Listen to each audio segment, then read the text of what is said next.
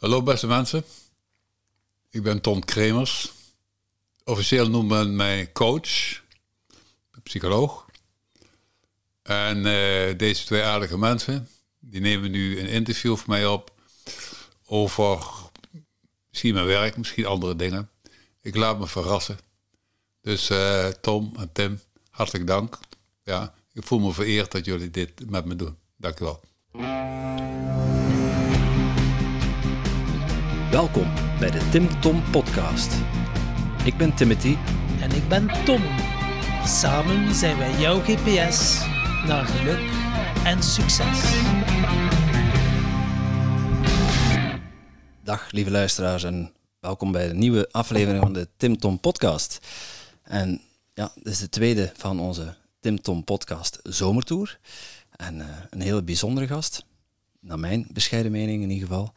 Want uh, ja, vandaag hebben we Ton Kremers te gast. En uh, toen ik voor de eerste keer over uh, Ton vertelde, Tom, toen uh, dacht jij dat ik aan een drug zat, hè?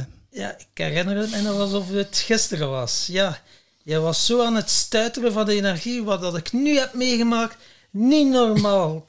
Die kerel, gewoon door mijn naam, wist hij gewoon alles over mij. Die gaf mij een karakteranalyse. Wat is mijn destiny in het leven? Wat zijn mijn talenten? Gewoon enkel door mijn naam en met twee minuten door praten. En hij zei tegen mij, en heeft zelfs een cadeautje. Hij wil dat voor jou ook doen, zo'n lezing. En ik dacht, oké, ik zeg eerst geloven en dan zien. Dus ik laat me verrassen. Ja, ik kan het me nog herinneren alsof dat het gisteren was, dat gesprek. Ja, want twee uur later dacht ik dat jij aan de ecstasy zat. en dat was ook zo. Nee, nee dat was ongelooflijk. Dat was uh, echt... Wat die allemaal vertelden over mij en zo accuraat. Dat was... En één ding, dat kan ik nog herinneren. Ik had een chronisch uh, letsel aan mijn Achillepees, linker Achillepees, maar ik had dat tegen niemand nog verteld, behalve mijn dokter. En hij zei dan nog eens op het einde, hebt u ook soms last aan uw linker Achillespees, hè? Ik zeg ja, is omdat je te veel piekert. Wakka. Dan lag ik helemaal van mijn stoel. Dus uh, nu heel tevreden dat we ja, met hem in gesprek, met Ton in gesprek kunnen gaan. Want ik heb uh, wel 1 miljoen vragen. Inderdaad, dus de eer is geheel onze zijde. Dag Ton. Dag Tim en Tom. Welkom bij een leuke podcast. combinatie, leuke naam, klinkt heel energiek. Elke keer als ik die naam hoor of zelf uitspreek, dan komt er zo'n dansende, sprankelende energie los. Wij noemen dat de, de Tim Tom Magic. Ja, ja, heel goed. Ja, heel goed. Magic, ja, heel goed. Het is magic, jullie toveren. Ja. ja. ja. Dus je, je, hoe, hoe bedoel je dat precies met sprankelende energie? Ja, dat ervaar ik zo. Ik, uh, ik zie energie. Misschien vreemd van mensen, maar dat zie ik dus. Ik pak dat op en uh, ja, dan, ik zeg altijd, dan begint de energie te wandelen bij mij. Maar dan krijg ik ook informatie door. Maar ik heb wel een naam nodig. Omdat, ja, men zegt dan, ja, goed, ik ben geboren met die naam. Wat zegt mijn naam? Hoe kan dat nou? Et Nou, de naam is niets anders. Kijk, dus, er zijn mensen die, dus, die pakken je ring, bij wijze van spreken, als je ring hebt, of je horloge, wat je dagelijks om hebt, et cetera. En ze beginnen informatie aan je te vertellen. Ja, ik heb dat met een naam. Aha. Ik zeg altijd de energie, de uitstralingsenergie van je naam. Ja, er wordt dagelijks tegen je verteld over jezelf, et cetera, je ouders, weet ik verder veel. Ja, ieder, iedereen roept wel eens een aantal keren per dag namelijk je naam. Ja, dus je emoties en je energie en je karakter zitten als het ware in. Ja, nou goed, en dat pak ik op. Ja. Dus de energie van je naam vertelt mij wie je bent, wat je kunt, je motivatie en dat wat je weten wil over jezelf, over anderen, over delen, over je ouders, over je opvoeding. Ga maar door, et cetera. Ja. Het is zo gek toch niet. En ik kan je dat ongeveer wel vertellen. Ja, maar goed, ik gebruik wel graag tact, want dan kan het heel direct zijn. Maar direct is, is soms niet juist. Ja, dan roep je eerder weerstand op. Dus, dus ik zeg vaak, zou dit kunnen of zou dit kunnen? Ja, dus ik laat mensen altijd wel de ruimte, ja, namelijk van hun eigen invulling. Als mensen zeggen dat klopt niet, ik zeg nou oké, dan heb ik me vergist. 95% zit ik wel in de roos en 5% heb ik ontzettend de plank voor mijn kop. Ja, dus die plank voor mijn kop lijkt ik dat nu te hebben. Ja, dank u wel voor dat leermoment. Ja, is in mijn achterhoofd besef ik wel dat er iets anders vaak speelt. Ja, van 3%. ik laat dat los. Ach ja, weet je, mensen zijn mensen. En, uh, Ze hoeven zich niet altijd bloot te geven, zeker niet. Nee, En soms weten mensen ook niet over zichzelf wat ze nog Ja. niet weten. Klopt, ja. En dan kan het confronterend zijn. Ja, ja. Maar ik kan het wel uitleggen. Dat kan ik wel. Maar oké, dat is prima. Maar het is aan mensen. Het is aan mensen, ja. Ik wil mensen aan niet overtroeven. En ik, ben, ik wil ook niet de, de profeet zijn, bij wijze van spreken. wil ik ook niet. Ja. Iedereen heeft zo zijn eigen verhaal. Iedereen, iedereen heeft zo zijn eigen dingen. Ja, dat is ook zo. Maar, maar ik voel energie. Licht energie. Zo. Is het dan in kleuren? Nou, Of je voelt het? ja, kijk, eh, men heeft het wel eens over aura's. Heb ik niet. Zie ik niet. Ik kijk daar gewoon doorheen. Ja, ik ben uitermate gevoelig. Kijk, die man vanmorgen die bij me kwam. Ja, toen we afspraken op de telefoon. Een paar dagen geleden zei ik van Ton, god, ik zou je graag dringend willen zien. Maar kijk, we gaan, oké, goed, oké, prima, kom maar in de ochtend. Wel, In de middag kan ik niet, maar ik wil wel, ik wil wel voorbereiden. Eh, Goed. Nou, dus zei hij van, oké, prima. En ik voelde al, deze man is doodmoe. Hij is kapot. Hij is moe gestreden. Ergens van. Aha. Dus hij komt hier, eh zei Tom, wat is er met me aan de hand? Ik zei, nou, ja, je moet die strijd opgeven. Waar je mee bezig bent, je moet niet zo strijden. Je moet mensen niet, als het ware, forceren en datgene wat jij denkt wat goed voor hen is. Dat moet je niet doen, maar erop je weerstand op. Ja. En je, je, ehm, er zitten grote bedrijven, grote bedrijven, multinationals. Maar ja, die hebben ook vaak met het ministerie te maken, zo, plannen maken en dat soort zaken meer. En hij wil graag veranderen dat deze mensen naar, ja, naar het ministerie gaan en dat soort zaken meer. Dat, maar goed, deze mensen zitten daar tot een pensioen in denken, doe je. Dat werkt gewoon niet. Hij is dan zo enthousiast, stap je erin. Ja, goed, prima. Goed, dus ik zeg van oké, doe, doe, ja, doe dat een beetje rustig aan. Nou, nou, dan hebben we het over paarden. Hij is een vervent paardenliefhebber en eh, paardencoach, ken je dat? Paardencoach. Enzovoort. Dat doet hij dus ook, et cetera. Dus sprak hij over een paard. Ik zei, hoe heet dat paard? Ze zei, zo, nou, dat paard heeft dat en dat en dat en dat en dat en dat, dat, dat. Ik heb het paard nooit gezien. Het paard heeft een naam. Dan gaan we door. Nou, eh, pas deze vorm, techniek, ik weet niet techniek, het is niet aangeleerd. Ik, heb, ik ben ermee geboren. Vroeger heette dat, je bent met de helm geboren, geloof ik. Ik weet niet precies of zo, hoe dat gaat. Dus als kind, als kind was ik al, eh, vertelde, vertelde ik mijn moeder, weet ik nog heel goed, ik was vier jaar ongeveer. Ik zei tegen mijn moeder, dadelijk komt er mevrouw aan de telefoon, nee, telefoon, aan de deur. En die probeert je iets wijs te maken, doe dat niet. Ja, want als je ze binnenlaat, mijn moeder is heel gastvrij, kom maar binnen. Doe dat niet, ja, want ze is uit als spullen. Niet doen. Ja. Toen was je vier jaar. Toen was ik vier jaar. Ah, mijn moeder zei, ach, kind, weet je, kind, kind, kind, kind. Twee uur later, ja, klopt er iemand op de achterdeur. Want, ja, dan kwam het een dorp, dat was zo, weet je wel. Dat klopt, ja, de Brabantse. Nou, niet helemaal, maar goed. Ook veel moeder was Brabants. En zo klopt de achterdeur. Mijn moeder ging er naartoe. En zag een donkere vrouw. Ja, een zigeunervrouw. Die heb ik niks tegen zigeuners, helemaal niet. Zijn prachtige mensen. Mensen van mij mens. Ja, dat is een multicultureel, ben ik ook ingesteld. Iedereen is voor mij gelijkwaardig. Als ze nou zwart, donker, bruin of groen zijn, dan maakt het allemaal niet uit. We hebben allemaal rood bloed. En allemaal moeten naar dezelfde wc. Ben ik zo hetzelfde verhaal. Goed. Dus, nou goed. En mijn moeder schrok. En de vrouw zei, mag ik even binnenkomen? Ik heb wat nodig, ik heb water nodig. Ik weet niet precies. Mijn moeder keek naar mij. Ik deed zo. En toen zei ze, nee. Nee, nee, nee.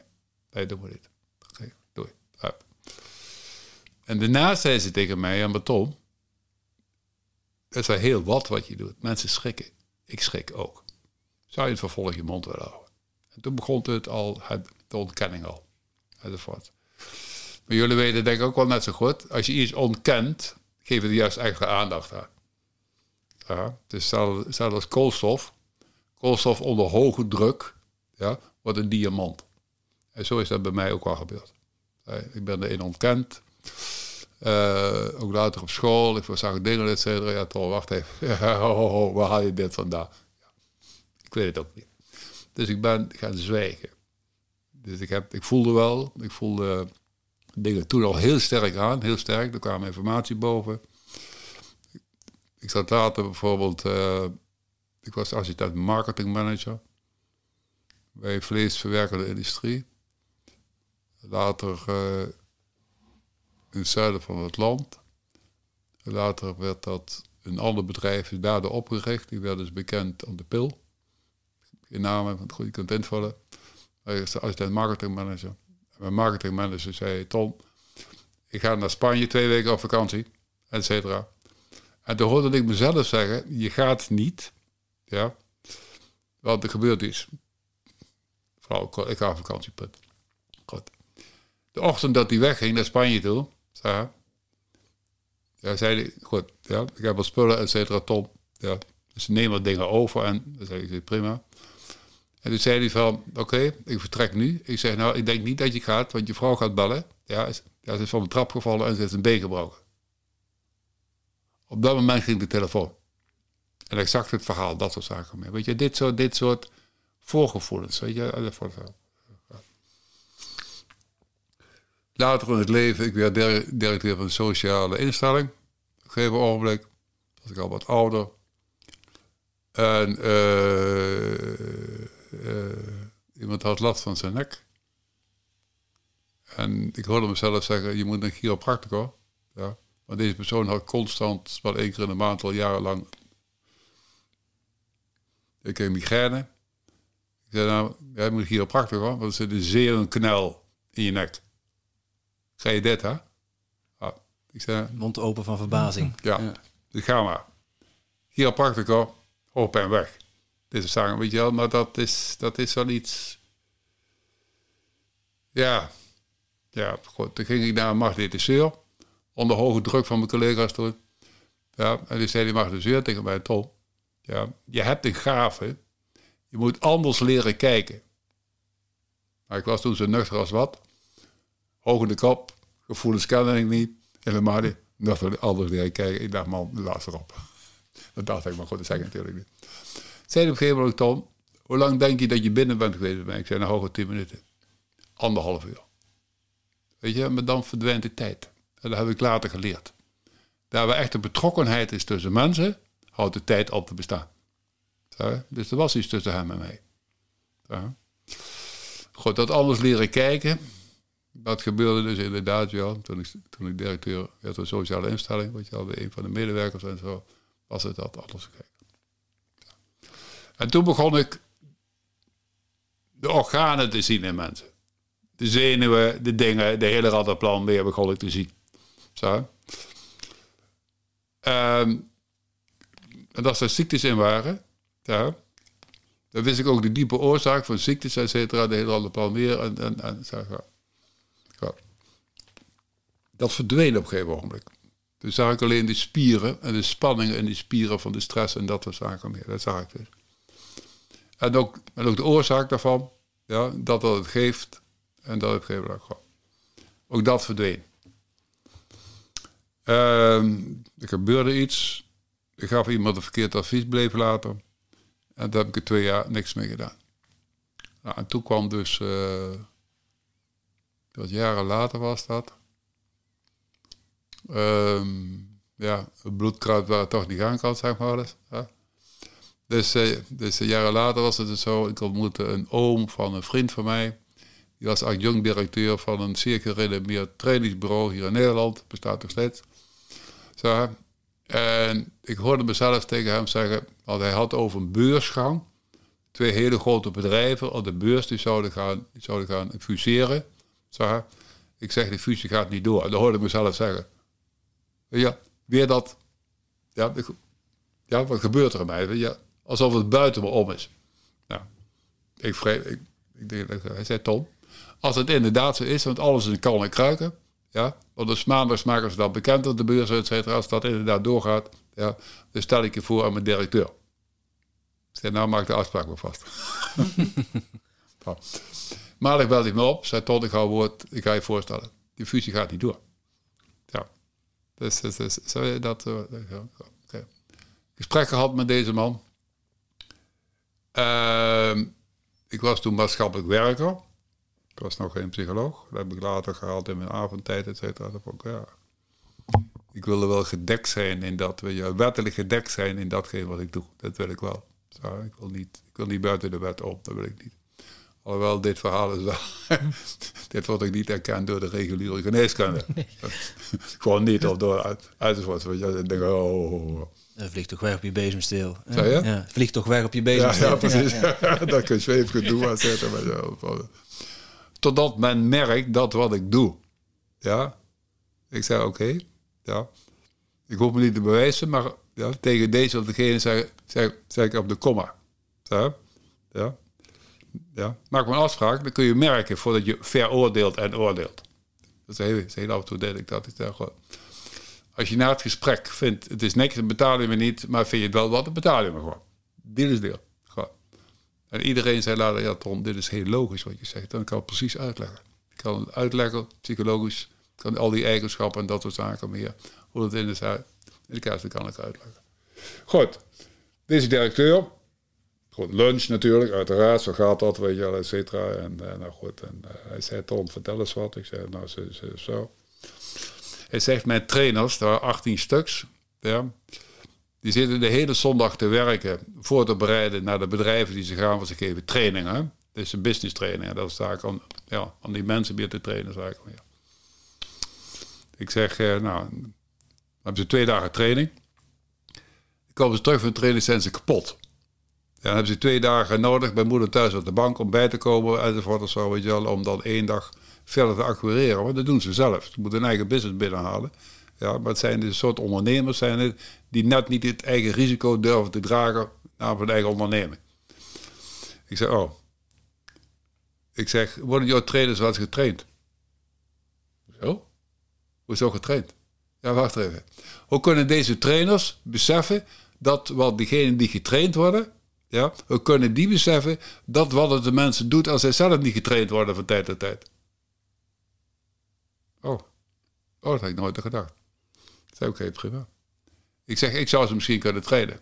Hij zei, bij een psycholoog. Ik zei, nee, ik ben maatschappelijk werker. En onmiddellijk zag hij die. er staat het onmiddellijk. Hm, hm.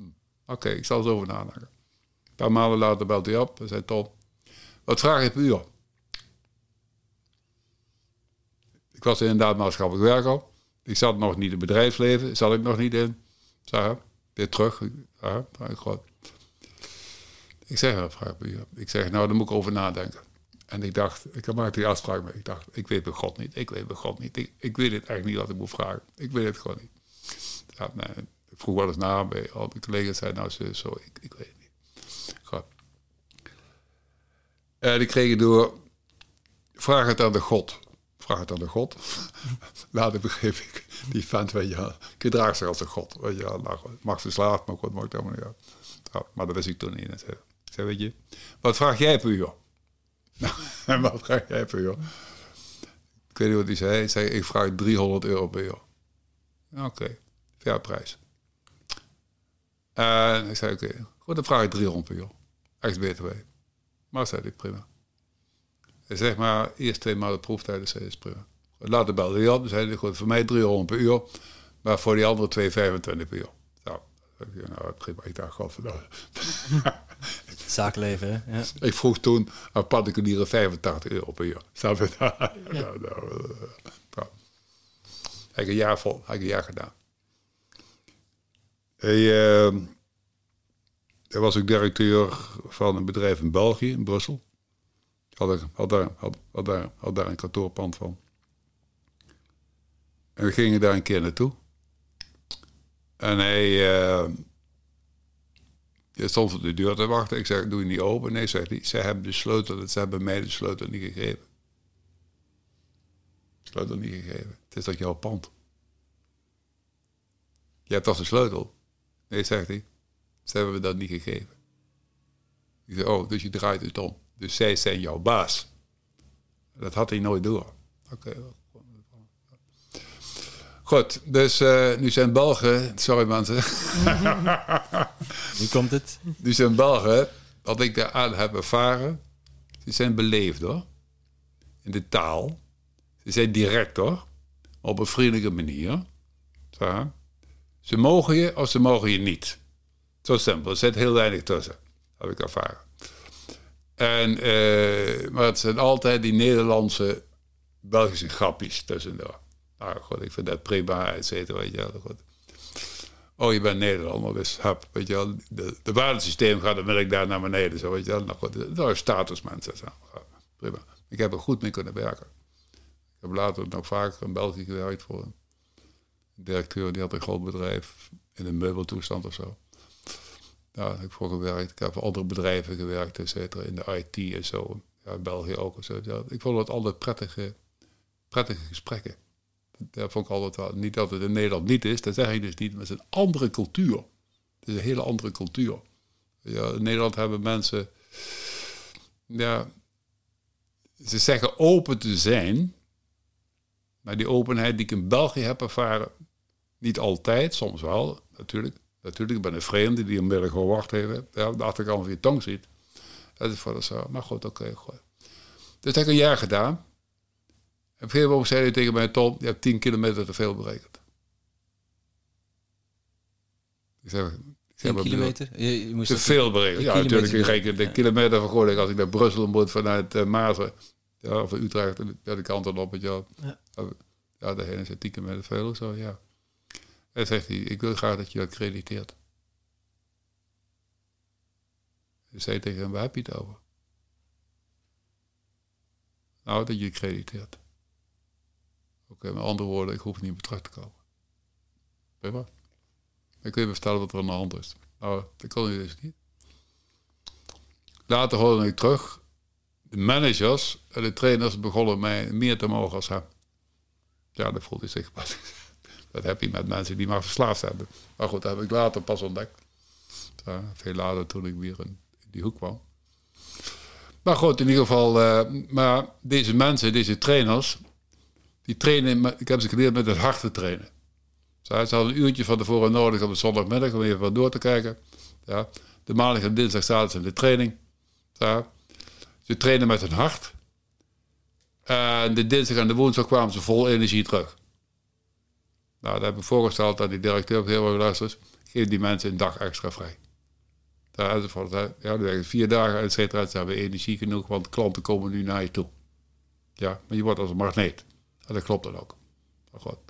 Als, ja, als mensen jaloers worden, dan ga je hoor. de macht ga je prima. Maar ik heb van hun geleerd terug te komen in het bedrijfsleven. Want ik kom uit het bedrijfsleven. Ik was assistent marketingmanager en ik moest toen in de tijd de kippensoep, de erwtensoep, de bruine bonensoep, de bifi. De bifi is mijn laatste uitvinding in de vleeswerkende industrie. Zo. En uh, ik was ook product manager, weet je, dat zo. Dan heb je de ragoes, die kwamen toen in met de vrije zaterdag en die moest ik dus, ik moest behoeftes kweken. En toen kwam ik achter, dat is niet mijn ding. Ik wil geen behoeftes kweken. Ik wil behoeftes vervullen, dat ben ik. Dus ik liep tegen het plafond. Nou, later ben ik sociaal werken gegaan. Dus opleiding gevolgd, deeltijd, werk gevonden erin, et cetera, et cetera. En toen ik 40 was, begon ik voor mezelf. eigenlijk marketingmanager, ja. maatschappelijk werker. Ja. Uh, dan marketingmanager geworden. En dan terug, terug maatschappelijk nee. Nee, nee, wacht, ik was assistent ook. was geen marketing, maar assistent. Wat voor marketing moet je wel een bepaalde opleiding hebben. Die had ik dus niet. Maar goed, ik had wel een bepaalde opleiding in die hoek. Maar goed. Ja. Ik, eh, maar, maar, toch, uh, ik ben helemaal opnieuw begonnen. Helemaal opnieuw. Ik kwam op de... Ik wilde maatschappelijk werker worden, maar wat had je toen de tijd was een personeelstop. Je moest ergens werken als maatschappelijk werker, wil je de opleiding HBO maatschappelijk werker kunnen volgen. Ik dus niet. Ik kreeg een droom. Uh, en ik zei zet door. Dus ik belde de Sociale Academie, in de bos was het toen de tijd, de HBO, ja, deeltijd. Drie avonden in de week en later was het een dag, een halve dag en twee dagen. of zo. Ik zei gaat niet door voor twee jaar wachtlijst. Goed, dus ik solliciteerde ik. Ja, Ik kwam niet uit die hoek. Maar ik had blijkbaar dermate iets bij me. Maar ik wist mijn eigen kracht toen niet. Ik heb het niet. Zij zagen dat blijkbaar. Oké, okay, prima. Ik ga het proberen. Dat was eerst adjunct, een jaar later enzovoort. Zo. Ja, nou. Uh, een half jaar later, ik werd aangenomen. Ja. Een half jaar later belde, belde de academie zei Tom, je kunt komen. Ja, je hoeft een toelatingsexamen te doen, want je hebt haven. Ik heb avondhaven gedaan. Zag En uh, ik heb MULO gedaan voorheen, maar mijn vader zei, ja Ton, je moet toch gaan werken, want ja, 13 kinderen, et cetera, weet je ze waren goed katholiek, dus, uh. Dus uh, voor de kerk, dat mocht toen niet, hadden we zo. Dus ja, ja, goed. Goed. Ja, en tv hadden ze niet, dus ik ging vroeg naar bed. Dus. en de pastoor Want één komt dan de. Ja. ja, en, de, en de pastoor kwam eigenlijk anderhalf half jaar lang, eigenlijk half, half jaar langs. En die zei, Christus heeft gezegd, ga even menigvuldig u wel blijven het andere kind. Met andere woorden, weet je dit soort, dit soort. En mijn dokter, mijn huisdokter had toen gezegd, uh, mevrouw, u kunt twee kinderen aan en niet. Want als je die meeneemt, dan ga je dan onderdoor. En dat klopte ook. In 1954 stierf ze, 42 jaar. Mijn vader, mijn oudste broer en mijn zus en ik lagen in het sanatorium. Gezinnen uit elkaar, uppakee, weet je wel, dat is zaken weer. Snap je, krijg je dat. De pastoor, God. Maar goed, er zitten de korte dingen. Dat heeft natuurlijk ook zijn weerslag gehad, ook op mijn opvoeding met dingen en zo enzovoort en zo. Nou, uh, oké, goed, dat zei zo. Nu lijkt het alsof mensen met deze gaven heel vaak een problematische jeugd hebben gehad. En op een of andere manier hoort dat erbij. Dat heb ik inmiddels begrepen. Nou, spiritualiteit, ja, sterkste eigenschap is dat ook. Iedereen heeft een sterke eigenschap. Magic talent noemen we dat tegenwoordig. Want als je daar je werk mee kunt doen en dat soort zaken meer, dan ga je fluiten naar je werk, je bast van de energie. En je denkt, oh wacht even, ja, ik heb ergens ook nog een gezin, weet je, dat is wat. Maar je, je geest is helder, ja, die creativiteit is hoog, je intuïtie, dan dat dat ik gek, de hele andere plan weer, weet je, enzovoort zo, weet je wel. Je, ja, je, zo, je hebt altijd goede zin in dat soort zaken meer. Als je met je sterkste eigenschap we hebben 361. Ja, dat is je sterkste eigenschap.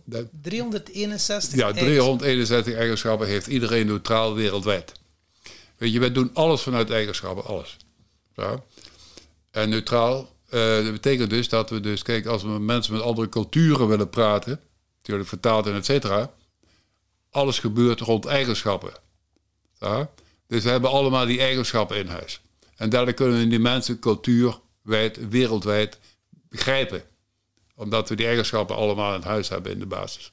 Ieder mens wordt geboren met een specifiek magic talent. Specifiek. Matching of magic? Magic, magic. Jullie hebben magic, ik heb magic. Magic talent noemt het tegenwoordig. Ach, je moet het een beetje opvullen. Ja, ja, Want mensen komen bij mij als ze op een kruispunt staan in hun leven. Daar hebben ze al tegen mensen gehad. Zei Ton, je bent mijn laatste strohalm. Dan zei ik al, het waren als mijn toverstok, ik moet even naar de auto toe. Ja, ja, nou, ja. En mijn hoge hoed heb ik thuis laten liggen. Zo. Ja, maar tot, ik heb van je gehoord, je kunt het gewoon. Dus ik heb ooit een slogan gehad, uh, zoiets van... Uh, um, zoiets van... Um, even kijken, ik sta op een kruispunt in het leven. Zo. En ik help je de juiste afslag te nemen. Nou, daar had ik een werf- en selectiebureau voor personeel ook nog. Dus ik wierf uh, nieuwe functionarissen voor mensen. En ik gaf ook nog garantie. Garantie? Garantie. Op nieuwe mensen aanwerven? Al nieuwe aanwerven, et cetera. Maar ik moest wel de volledige procedure doen, et cetera. Ik moest advertentie kunnen zetten. Zaken mee in mijn termen, in mijn, ja, in mijn woorden, et cetera. Ik nodigde mensen uit daarvoor. Of, of via advertentie, et cetera. Ik regelde dat allemaal. En ze betaalden gewoon, et cetera. Ja, dus tot en met het einde, het tweede gesprek, financiële afspraken. Ik was er altijd bij. Zo, je kunt nooit onderweg, als die twee samen gaan, je weet het niet, daar heb ik wel eens mee geflipt. Dus ja, oké, ga maar. Ja, maar we hebben jou niet nodig. We moeten toch samenwerken. Dat klopt. Maar dat ging fout. Oké, prima. Dat is een behoorlijk bedrag. Ik heb het ook teruggestort, et cetera. Mensen, ik wil niks met jou te maken hebben, want ik vind het niet fair wat hier gebeurt. Dus doei. Ja. Dus uh, ja, met garantie. En ik, wist, ja, ik voelde haar scherp aan. Kijk, toen was het voor 95% de juiste persoon op de juiste plek. Tegenwoordig doe ik dat niet meer. Is, ik ben een beetje, weet je, die hele coronatoestand, et. Mensen moeten eruit, en et cetera. Dat plan meer, weet je. Dan. Ja, ik kon bedrijf wel aanreiken welke mensen er eventueel niet uitgingen, maar op, op, op wel eruit moesten, et cetera, die et cetera. Maar ik, ik vind dat, nee, nee, luister eens. Ik vind het ook mensonterend soms, weet je wel. Dan, uh, dan zeggen ze nou, die wil ik eruit, die wil eruit, goed, ga je gang. Ja, probeer hun, wijs te maken dat het er goed voor hun is. Hele ramp meer, weet je wel. Dan moest ik niet ethisch handelen. Nou, dat doe ik dus niet. Dat weiger ik. Ja, dat weiger ik. Ik zeg nooit het woord absoluut. Maar niet ethisch handelen, daar zeg ik nee tegen. Want de rechtvaardigheid staat hoog op mijn vaandel. Ik wil dienstbaar zijn, heel goed punt, et cetera. Maar zodra de rechtvaardigheid gaat wankelen, dan wankel ik ook in de, in de deal. Dan zeg ik mensen daar, los het op, zonder mij. Ja, dat, dat doe ik dus niet. Ja, me wel eens wat opdrachten gekost, maar dat boeit me niet. Ik verkoop mijn ziel namelijk niet. Dat doe ik dus niet. En niet voor geld. Nee, nee voor geen geld. Ja. En sommige bedrijven waarderen dat. Want ik heb bedrijven of mensen wel eens, eigenaars die wel eens bij me komen van 20 jaar terug. Enzovoort of zo. Ja. Deze man van morgen, 15 jaar of zo. Ik heb dat vaker, zei Ton, weet je nog? En, oh, Hoe hoe je, weer zo, ja. Twee minuten en ik weet het, hè. Het hele verhaal. Weet je, en dan geef ze opnieuw adviezen. Dat zijn weer kruispunten. En dat zijn wel heel plan met kruispunten. Kruispunt waren maar. Ja. Dus uh, ja, wat zou ik er verder van zeggen? Ik heb wereldwijd, wereldwijd, ook op, op nou, pakweg, golfweg, 45.000 mensen uit de, uh, op een kruispunt geholpen. Via Skype, via WhatsApp tegenwoordig. 45.000? Ja, ja, ja, veel hoog. Ik ben naar landen toe geweest. Ik heb daar gelogeerd. Ik heb bij tussen, in de cultuur graag. Bij mensen thuis heb ik gevraagd. Ik wil niet in hotels, et cetera. Ja. Heb je slaapplek voor mij? Weet je, dan ben ik in de cultuur. En ik ben een cultuurman. Ik ben ronduit een cultuurman. Ik heb een keer een scriptie geschreven over, uh, over Open Universiteit. Over de, de verschillen tussen, tussen de culturen zijn juist de schoonheid. Ja? ja, de schoonheid in de culturen. Dat weet je een stuk over geschreven. En van die culturen, dus je zegt, elke mens heeft 361 eigenschappen. Eigenschappen, en neutraal. Kun je, kun je een voorbeeld geven? Wat is bijvoorbeeld een eigenschap of zo? Een eigenschap zijn de dingen waarvan uit we dingen doen. Kijk, jij neemt podcast. Ja. Podcast, daar moet je voor. Waar moet je voor doen? Zeg het maar. Uh, podcast. Uh... Podcast is creativiteit, is een eigenschap. Intuïtie en creativiteit horen bij elkaar. Intuïtie is abstract. Zeg je krijgt een bepaald idee, maar je moet de vorm zetten. Wij mensen denken in vormen, kijk maar om je heen. Zelf, ja, zelfs je leven is een vorm. Ja, ja, dus we zijn vormdenkers. Ja, ja. Maar we hebben creativiteit nodig om dat in de vorm te zetten. Maar, ja, maar dat is in de kindvorm. Maar dan moet je dus, uh, dus altijd, creativiteit, het start ergens in de kindvorm. Maar we hebben ons verstand nodig om dat verder uit te puzzelen ja, zodat we de, de dingen die we willen doen ook in de praktijk gaan. Zo, dus we hebben denken, we moeten denken, we moeten observeren. We moeten, uh, moeten dingen uitpraten met elkaar. Uitpraten, praten is een eigenschap. Creativiteit is een eigenschap. Denken is een eigenschap. Creativiteit ook. Enzovoort. Warmte. Warmte is een eigenschap. Vertrouwen. Elke relatie begint, de basis van elke relatie is vertrouwen. Ja, op het moment dat je een partner hebt en die, die geloof je niet meer ergens in, dan is de relatie voorbij. Weet dat. Ja, maar de partner moet je gewoon geloven. Totdat het tegendeel bewijst. Oké, okay, dat is een ander verhaal. Nou, nou dus uh, ja. ja, zo zijn er 361. Wauw. Dus alles wat je doet, zelfs de keuze van je kleren, ja, is, dus, is dus een keus. Je kiest. Kiezen is een eigenschap. Ja, dus je doet alles vanuit eigenschappen, alles. Nou, dus als ik iemand ontmoet, weet ik direct die sterkste eigenschap. Ik weet dat. Acuut. Binnen 10 seconden heb ik dat. Oké, okay, ja. dus jij weet, jij kent alle 361 eigenschappen en jij krijgt binnen, oké, okay, dat zijn jouw sterkste ja. eigenschappen waar ja. je mee aan de slag kunt. Kunt, ja. Dat ken ik dus. Dat heb ik. Ik heb ze bij hart. Als ik zo moet noemen, dan stok ik een ja, beetje. Ja, dat tuurlijk, merk ik dat dus. snap ik. Dat merk ik dus. Weet je, ja. kijk. Zo, die pet voor jou, die staat je heel goed, vind ik. Heel goed. Zo. Dank je. Ja. Ja. Maar die staat ergens voor. Dat doe je niet voor niks. Die staat ergens voor. Die, bepaal, ja, die geeft een bepaalde charme. Charme is een eigenschap. Dat bedoelt alles vanuit eigenschap. Alles. Maar heel veel mensen snappen dat niet. Nou, mijn sterkste eigenschap is dus kijken, spiritualiteit. En spiritualiteit is niets anders dan bezig zijn met ontwikkeling van eigenschappen. Punt. Geen. Uh, de alles, de alles omheen mensen kunnen dit doen, et cetera.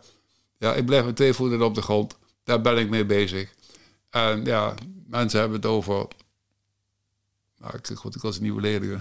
Maar dingen die ver buiten mijn pad zijn. Hoor. Echt. echt prima. Ja. Ieder, ieder zijn ding. En ik laat het ook. Ik kritiseer dat niet, et cetera. Alleen ik geloof lang niet in alles. Niet. Nee, niet. En over die eigenschappen gesproken, om nu het praktisch maar. Wat zijn nu bijvoorbeeld van Timothy zijn sterkste of beste eigenschappen en van mij bijvoorbeeld? Dat ik hem vertel, dat heb ik verteld. Vertel maar. Ehm, mijn beste eigenschap is, ik ben een relatiebouwer. Mm En uh, ik kan uh, mensen wakker schudden in potenties. Dat is mij nog blijven, uh, blijven hangen. Ja. ja. En dan weet je dat, dat doe je toch bij Ja. ja. En ik kan hem met zijn voetjes op de grond houden. Ja. Dat is ja. ook een belangrijke eigenschap. Ja. ja. Dus je bent nuchter, poten op de grond. Geen gezweef. Ja. Aha. Kijk, als je, mij, als je mij niet via hem had gedaan, et cetera, weet je wel, dan had je mij zweverig genoemd. Ja. Totdat je meemaakt. Dan denk ik bijvoorbeeld, oké, de nuchteren, ik ben dan wel degene die experimenteert met plantmedicijnen en zo. En dus heel veel mensen vinden mij een zwever. Ja. Ja. En dat vind ik dan wel grappig als ik dan hoor van dat ik de nuchter ben. Ik vind dat ik vind dat, dat af. Ja, weet je, alles wat men niet kent, ja, noemen men vaak zweverig. Men heeft al een oordeel klaar, een vooroordeel of, ja, of, of een veroordeling hebben ze al klaar. Maar ze begrijpen het niet. Hetzelfde is met paranormaal. Men noemt me wel eens paragnost. Dat ben ik gewoon niet. Ik ben geen paragnost. Helemaal niet. Wat ik doe is inner vision. Dat is in de vision. Maar goed, van mensen die uh, te nuchter zijn. zeggen zwevering, dan komt zwevering weer. Daar, oké. Okay. Ik kan noemen wat het wil. Ik ben er wel eens op... Uh, herinner ik me wel een bepaalde Facebookgroep was ik. Ik weet niet precies, met ondernemers. En ik vertel een keer zo heel kort wat ik doe. Zo, nou, ik, uh, later heb ik me uitgeschreven uit die groep. Ik kreeg opmerkingen bij de honden geen brood van lust zonder oordeel, et cetera, enzovoort. Ja, we moeten hem broeieren, weet ik verder veel, de hele andere plan meer. Ik kreeg vuil naar mijn kop, et cetera. En niet mogelijk. Ja, vroeger werd je op de brandstapel gegooid, dus misschien is dat nog... Zeg je? Zeg, vroeger werd je er voor de brandstapel gegooid. Zeg je? Voorjaar, ja, precies. Ja, precies, precies. precies. Dit werd voorgesteld met eruit te gooien, de hele andere plan meer, et cetera. Nou, goed. Totdat ik iemand die dat ook deed bij mij, gewoon echt vuil, echt vuil, enzovoort of zo. En uh, totdat ik terugschreef, ja wacht even, jij komt bij deze ondernemer. Ja. Die ondernemer vraagt nu aan mij hoe hij jou ziet. Want als hij dat zo van je ziet, wat hij doet, wil hij niet meer dat je bij hem komt. En toen was het stil. Het was over. Ja, zo. Ja.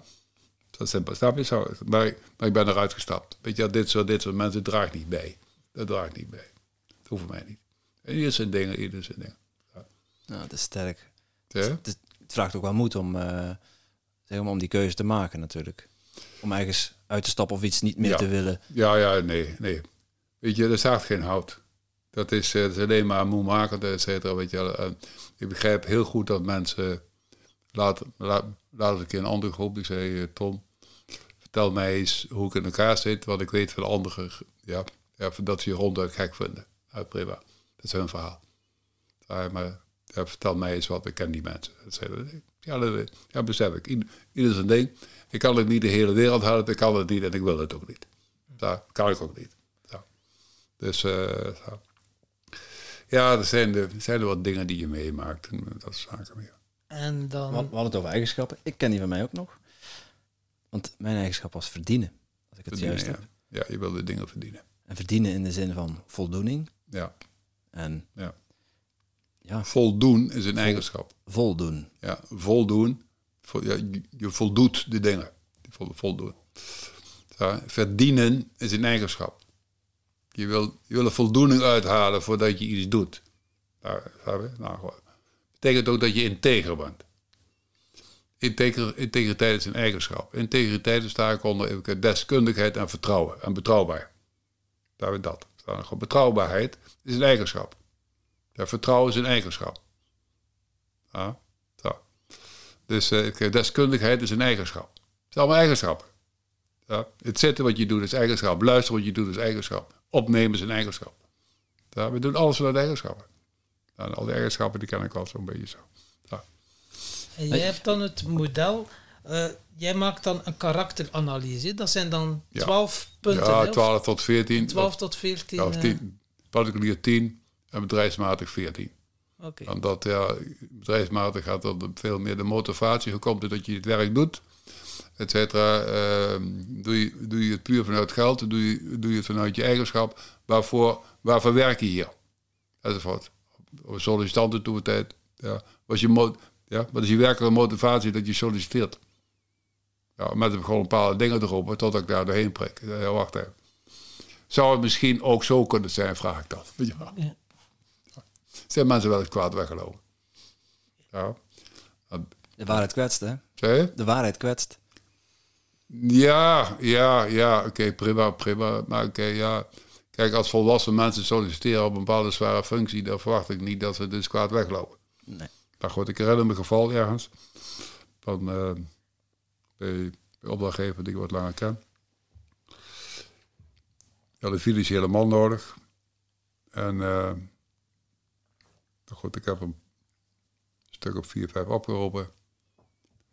En die stond op hoger de, de koffie omver. Mijn koffie, weet je wel, ik moest iets pakken en ik stond hem omver. Ik zei, godverdomme. En deze man verschoot. Hij zegt, meneer, u vloekt. Ik zeg, ja, vertel mij wat.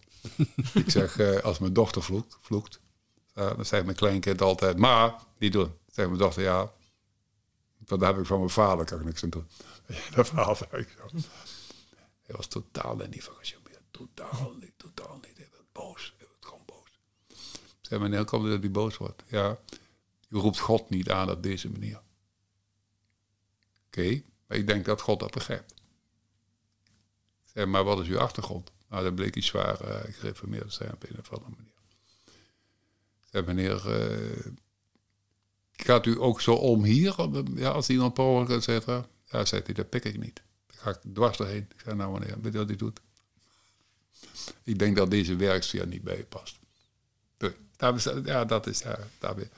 Dat moet ik niet hebben. Op mensen die dus uh, komen weet je wel, en dan een bepaalde richting hebben en mensen willen bepalen dat ze ook die richting moeten volgen. Dat moet je niet hebben in een bedrijf. Ja, ja dan ben je aan het missioneren. Ja, daarvoor werk je niet. Daarvoor kom je niet. Dat is, uh, kijk, ook, ook ik heb een bepaalde richting. Ja, een bepaalde, bepaalde levensovertuiging heb ik ook. Maar op bedrijven praat ik daar niet over. Ja, totdat ze aan mijn houding merken bij bepaalde dingen. Ja, kunnen ze vragen stellen, maar dan ben ik open. Dan ben ik heel open. Ja, dat is daar hoef ik niet te geloven, want ik geloof in God. Dat doe ik zeker. Maar niet de God... Nou, goed, ik weet niet of ik, hier, of ik hier op in moet gaan of zo, dat ik dus niet. Maar goed, in ieder geval, uh, ik ben diep gelovig, dat ben ik wel. Maar... Dus, uh, maar goed, op mijn manier. En, maar ik ben niet gelovig in de zin dat ik dogma's aanneem. Dat ben ik dus niet. Geloven betekent voor mij veel meer uh, dingen zelfstandig onderzoeken met je eigen verstand. Daar heb ik geen priesters of dingen voor nodig. Daar heb ik niet voor nodig. Dat kan ik zelf. Want we zijn nu in de evolutie als mensheid zijn we zover dat we dus uh, zelf onderzoek kunnen doen naar onze eigen waarheid. Want we hebben verstand meegekregen. Verstand heeft alles te maken met eigenschappen. Alles. Alles. Ja. Je denkt na over de dingen. Ja, hoe je dingen toepast en dat soort zaken. Maar nog. Dus zelf onderzoek naar je eigen waarheden. Ja. En als je die begrepen hebt, toepassen in je dagelijks leven. En niet geloven omdat een autoriteit dat zegt je moet en dat soort zaken. Maar dat is voor mij geen geloof. Ja, dat is voor mij fanatisme. Sorry mensen. denken nu op zoek gaan naar je eigen waarheden. Ja. Hoe doe je dat? Hoe, hoe je dat doet? Nou, door jezelf beter leren kennen. Dan ga je eens kijken van hoe je zelf in elkaar zit. Van datgene wat je kent van jezelf. En als je dat denkt, ja, dan vraag je aan je omgeving. Hoe zie je mij? Ja, want je kunt blinde vlekken hebben en dat soort zaken meer. Hoe ervaar je mij? Ja, ja. Zo heel af en toe heb ik dat wel eens gedaan in het verleden. Aan klanten gezien, et cetera. Ja, dan stuur ik dus een soort enquêteformulier. Ik zeg, vertel mij nou eens, als je dat wilt, ja, hoe je mij ervaart. Want ik ben zelf onderzoek naar mijn eigen waarheid, op mijn eigen karakter ook. En ik kan blinde vlekken hebben. Nou, er kwamen soms dingen uit zo, wacht even, ja, dit klopt. Dit klopt. Ik heb de lerende houding. De lerende houding, die heb ik dagelijks en die hou die ook. Ja? Kijk, ik leer nu ook van jullie. Ja, de wijze waarop jullie de dingen doen, dat ik leer daarvan. Ja? Het versterkt weer mijn, ja, mijn achtergrond en mijn dingen, et cetera. Ik haal dingen op die misschien lang vergeten ben of zo. Ja, dat dank je wel. Zo. Maar dat, dat, brengt me ook weer bij mijn karaktereigenschappen. Zo heb ik een bepaalde karaktereigenschappen, mij bijvoorbeeld genezen. Ja? Ik mag niet, dat zie jullie niet. Hè? Ik weet niet of je dat weet. Maar met mijn stem we hangen aan je lippen, dat is het feit, ja. nou, dat moet je niet doen, dan krijg je Zulu-lippen. Ja, ja, ja, bij van spreken. Maar je bent een beetje oud voor een beetje zwaar, hoor. ik heb een rustgevende stem. Wat er ook gebeurt bij mensen, mensen die er gevoelig voor zijn, die, die voelen de timbre in een borst. Dus dat maakt emoties los. Ja, tenminste, ja. ja. Goed. En mensen, mensen zijn, dan, zijn dan hier ze hebben jaren niet gehaald of geblokkeerd. Maar ik trembel dat los met mijn stem. Dat gebeurt zo. Mensen, mensen hebben eens terugverteld. En dan komen die emoties los. En mensen binnen vijf minuten huilen ze. Terwijl ze jaren niet gehuild hebben. Ja, me. Hoezo schaam me? Schaam me. Ik zeg, A, ik vind het fijn dat je huilt voor jezelf. B, dank je voor je vertrouwen dat je dat bij mij durft, die al zo snel. Ja? Dus huilen is een eigenschap, hè? Ik zeg, want als we niet zouden huilen op tijd, ja, dan, uh, dan verdrinken we in onze tranen. En als de tranen af en toe niet rijkelijk vloeien, ja, dan verbranden we ons hart en ziel in de hitte van het vuur. Wij zijn geschapen als engelen.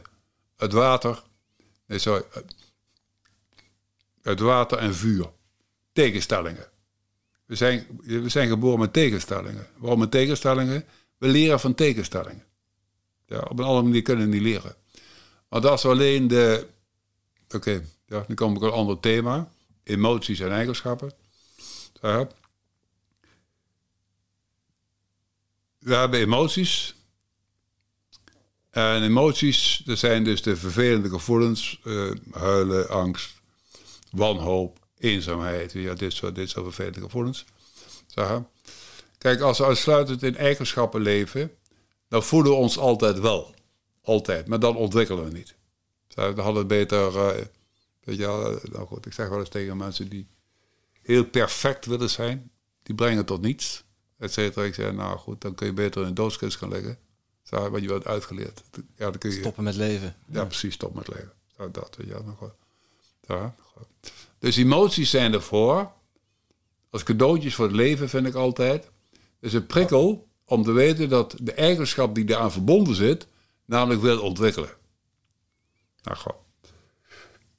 Dus ik help hun daarmee. Ja? Dus ik adviseer mensen dan ruimte te laten, maar dan moet je kunnen. Ja, ik ondersteun hun erin dat goed te doen. Ruimte te laten aan je emotie. Dus de emotie voelen, gewoon blijven voelen. Dat is pijnlijk, dat kan heel pijnlijk zijn. Maar toch, als je door die pijn heen gaat, en dat durft, heb je moed voor nodig met een D. Moed is een eigenschap. Hè? Als je daar doorheen gaat, doorheen gaan is een eigenschap. Als je daar doorheen gaat, dan komt er energie vrij die je verbindt met de eigenschap die eraan gekoppeld zit. Kijk, moed, moed bijvoorbeeld met een D. Uh, tegenovergestelde van moed is twijfelen. Of niet durven. Ja? Weerstand. Ja? Dat zijn allemaal eigenschappen. Daar, daar help ik iemand door die weerstand heen te gaan. Ja? Ja? Dus als de eigenschap moet. Dus het meest creatieve dingen wat een mens kan doen, naar mijn idee, zoals ik heb geleerd in mijn leven, dat mensen omgaan, is als ze door de, als ze door de weerstand heen gaan, dat, dat toch durven zonder het te begrijpen. Ja, soms moet je door de ervaring heen om dingen te begrijpen.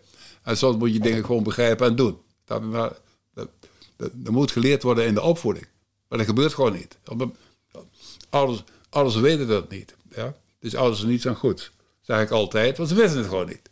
Maar goed, ik kan daar niet uitgebreid en dingen op doorgaan.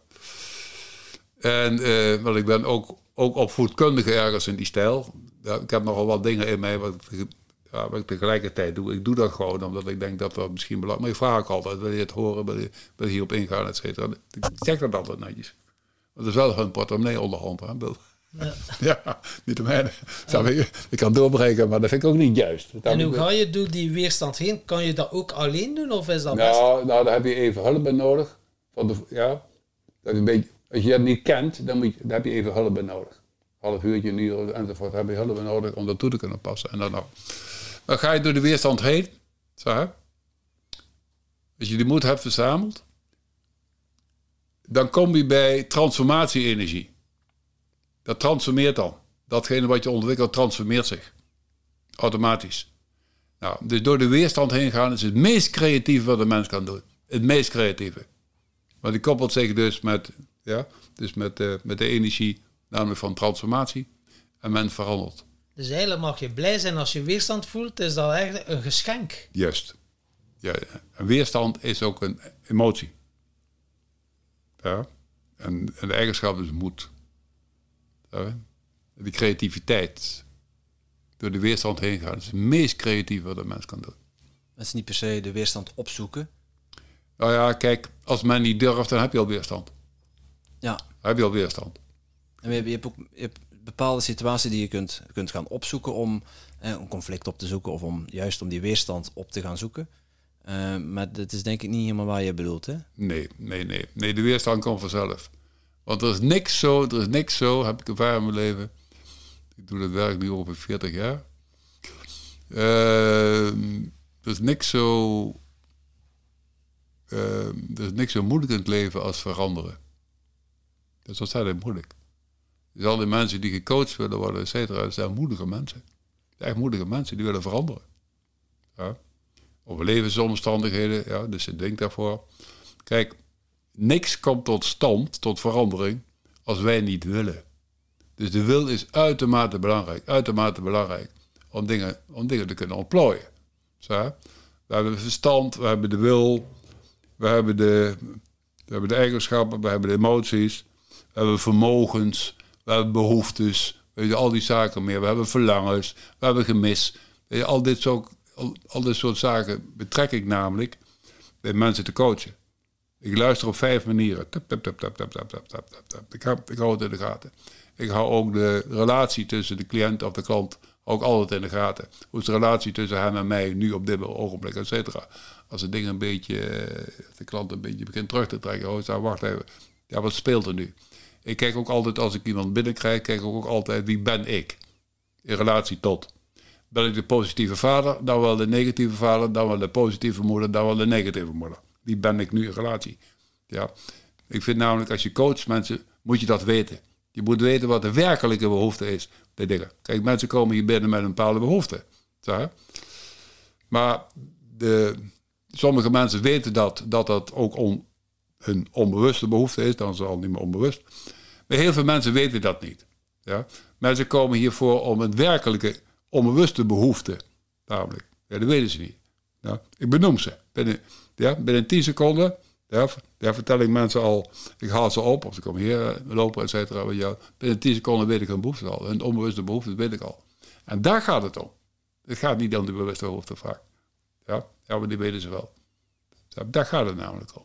Ja, nou, ja. Nou, dat peil ik ook per naam. Precies hetzelfde. Dat, is voor mij geen verschil.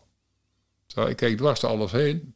Zei ik al, ja, ja, die man vanmorgen had het over dat paard. Ik noemde zijn ziektebeeld, de hele hadden plan meer. Hij zei, Ton, dat klopt allemaal. Ik zei, maar je paard nooit gezien? Nee, dat klopt. Ik heb het nooit gezien. Ja, ik heb dat. Ik heb een broer, die doet, die doet mijn paarden. En als je een nieuw paard koopt, zegt die Ton, hij belt me even. Dat is de naam. Kunnen we even vertellen, moet ik het kopen, ja? Ja. ja. Als je kat hebt die ziek, en zet een hond, precies hetzelfde. Ja. Uh, ik coach ook iemand, die heeft een zware job in een ziekenhuis. En uh, ik coach hem erop, zeker met corona, weet je, dat is toch wel lastig. Ja. Maar, maar, ik, maar, ik ontmoet hem gewoon. Ja. Want als mensen corona hebben, ik voel dat aan. Ik voel dat gewoon. Dat is een voordeel van mij. Maar deze klant die zegt, Tom, als je het idee hebt dat ik corona heb, dan hoor ik dat wel van jou. Ja, ja, ja. En dan bel ik hem op, heb ik hem afgeschrokken, bel ik hem op, je hoeft daar niet te komen, want ze dat zo. Ik wil het risico niet lopen voor andere mensen. Snap je? Dus toen ik jullie net zag, dat zeiden vanmorgen al, ik oké, laat me gewoon binnenkomen, niks aan de hand. Ik heb dat. Ik ben uitermate gevoelig, uitermate gevoelig. Ben ik dingen haarscherp op, ook al, et cetera. Ja, ach, ik kan kwesties noemen, et cetera. Maar goed, oké, goed, het is... Uh, zo werkt dat bij hem, hè. Ik raak een beetje leeg, merk ik. Dus... Uh, Oké, dat geeft niet.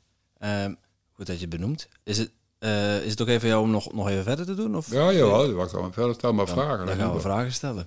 Want uh, nu zijn wij, uh, zeg je dat? Nu zijn wij heel stil geweest. Ja. Dat mag ik wel zeggen. Ik ben nu wel benieuwd. Je hebt iets getriggerd. Misschien heb je het de vorige keer gezegd, maar het is mij ontgaan of zo. Wat is mijn onbewuste behoefte? Oeh. Oeh, dan moet ik oppassen wat ik zeg. Ik zal het netjes zeggen. Je wil zeer direct benaderd worden. Zeer direct. Je wil, ook al doet het pijn, dan boeit je niet. Zo, ja, dan zeg je wel even au. Maar bij jou is het uitermate belangrijk dat iemand, als je iets vertelt, hoe pijnlijk ook, dat je zeer direct benaderd wil worden. Geen verborgen gaan, dat is geen ding. Helemaal niet. Daar, daar hou je überhaupt niet van. Ja. Dan heb je een broertje aan dood, of een zusje, net hoe je dat noemt. Ja. Ja, Dat, voelt, ja dat voelt inderdaad direct. No bullshit. En ja. Dus daarmee dat ik graag met plantmedicijnen werk. Dat is geen bullshit. Dat is direct hier, jongen. Hier heb je mee te dealen. En uh, geen gezever. Ja. Ja, dat is... Daar hou je van. Ja. Ja. ja, ik vond het ook wel opvallend. De, de luisteraars weten het natuurlijk niet. Maar um, ik zit momenteel even in een dipje. Ja. Zacht uitgedrukt. Ja. Uh, dat is heel menselijk. Ja. Ik ben ook niet te beschaamd om erover te spreken met mensen. Maar heel als, mensen als mensen vragen van hoe is het, ja, Ja. ik heb me al beter gevoeld. ja, heel leuk. Ja, Ja. ja, ja. En, en dat, dat zorgt, mensen schrikken daarvan. Van, Ja. Ze verwachten van goed. ja. eh, ik, ik kom hier en eh, eh, jij zegt, je bent moe hè? Tenminste, voel je, voel je je vaak moe? ja. Dat vroeg je. Je, wist, je wist mijn antwoord al. Ah, misschien ook niet. Hè. Het is Misschien niet altijd niet. 100%. Nee, hè. nee, nee. Het is niet altijd 100%. Hè. Nee, nee, daar hou, daar hou ik rekening mee. Nee, Maar nee. ja, dat soort, ehm, zeg je dat? Dat soort dingen, dat is, ja, dat vind ik dan weer bijzonder. En Je, je vindt het zelf niet bijzonder. Nee, oké. Maar ik begrijp het wel. Ja. ik vind het altijd wel mooi van hoe, eh, hoe dingen in elkaar hangen. Ja. Vanuit, die, vanuit die mastermind bij Ilke de Boer. Dat, eh, dat jij daar, je was iemand anders aan het helpen. Ja. En je deelde met die persoon van, kijk, eh, ik ga zo meteen mijn nummer geven en eh, Ja. je belt me even op. Dan geef ik je een karakterschets. Ja. En ja, je zei ook tegen de rest van, eh, die daar aanwezig was van, bel me maar op. Even, ik belde jou op, ik denk een half uurtje of een uurtje later. Ja. En je vertelt mij, je bent, de, je bent de enige die gebeld heeft. Ja. Dan denk ik van, huh, hoe kan dat? Ja. Maar ja, daardoor zitten wij nu hier. En Mm. ehm, ik, ja, ik vind heel die, die samenhang en hoe alles samen aan elkaar vastzit, Mm. heel boeiend. Maar ik begrijp er niks van. Huh? Ik begrijp er niks van. Ik kan me voorstellen.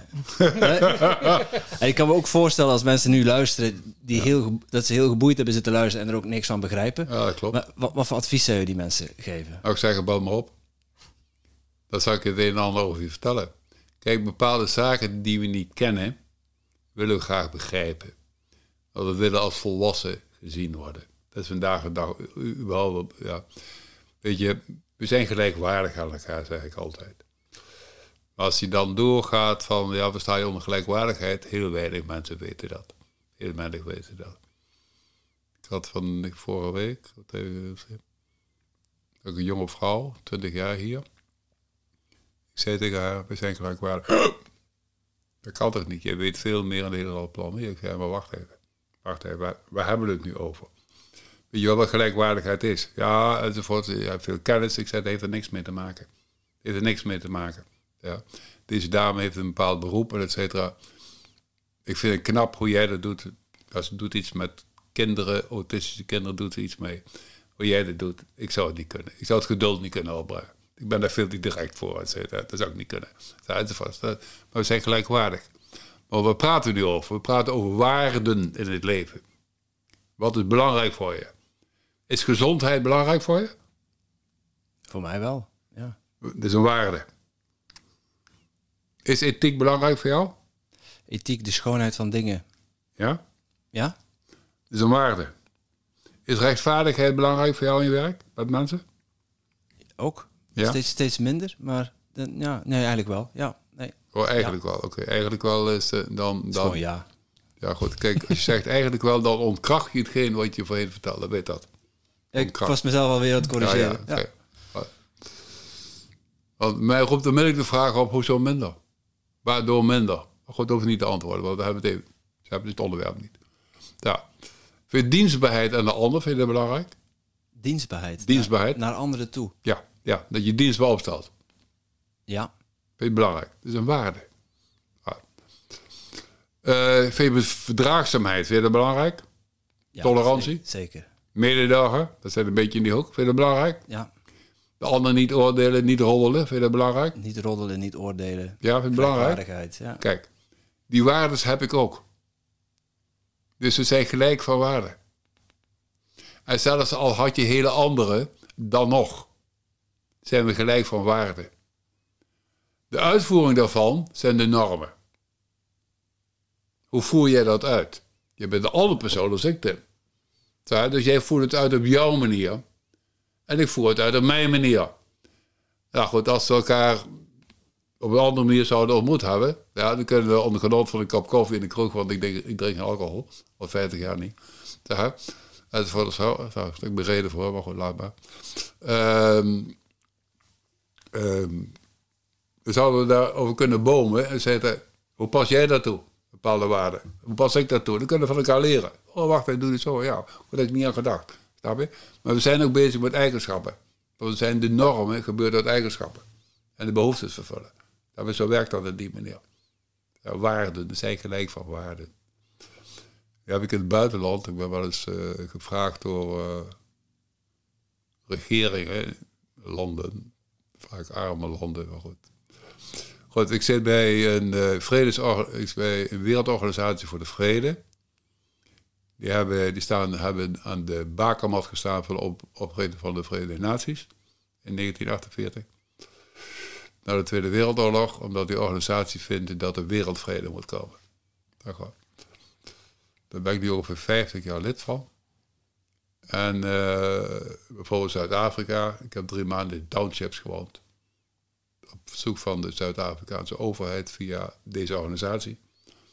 Ik vroeg een uh, psycholoog, die dus uitermate gevoelig is, die niet veel tijd nodig heeft om dingen te begrijpen, et cetera. Weet je.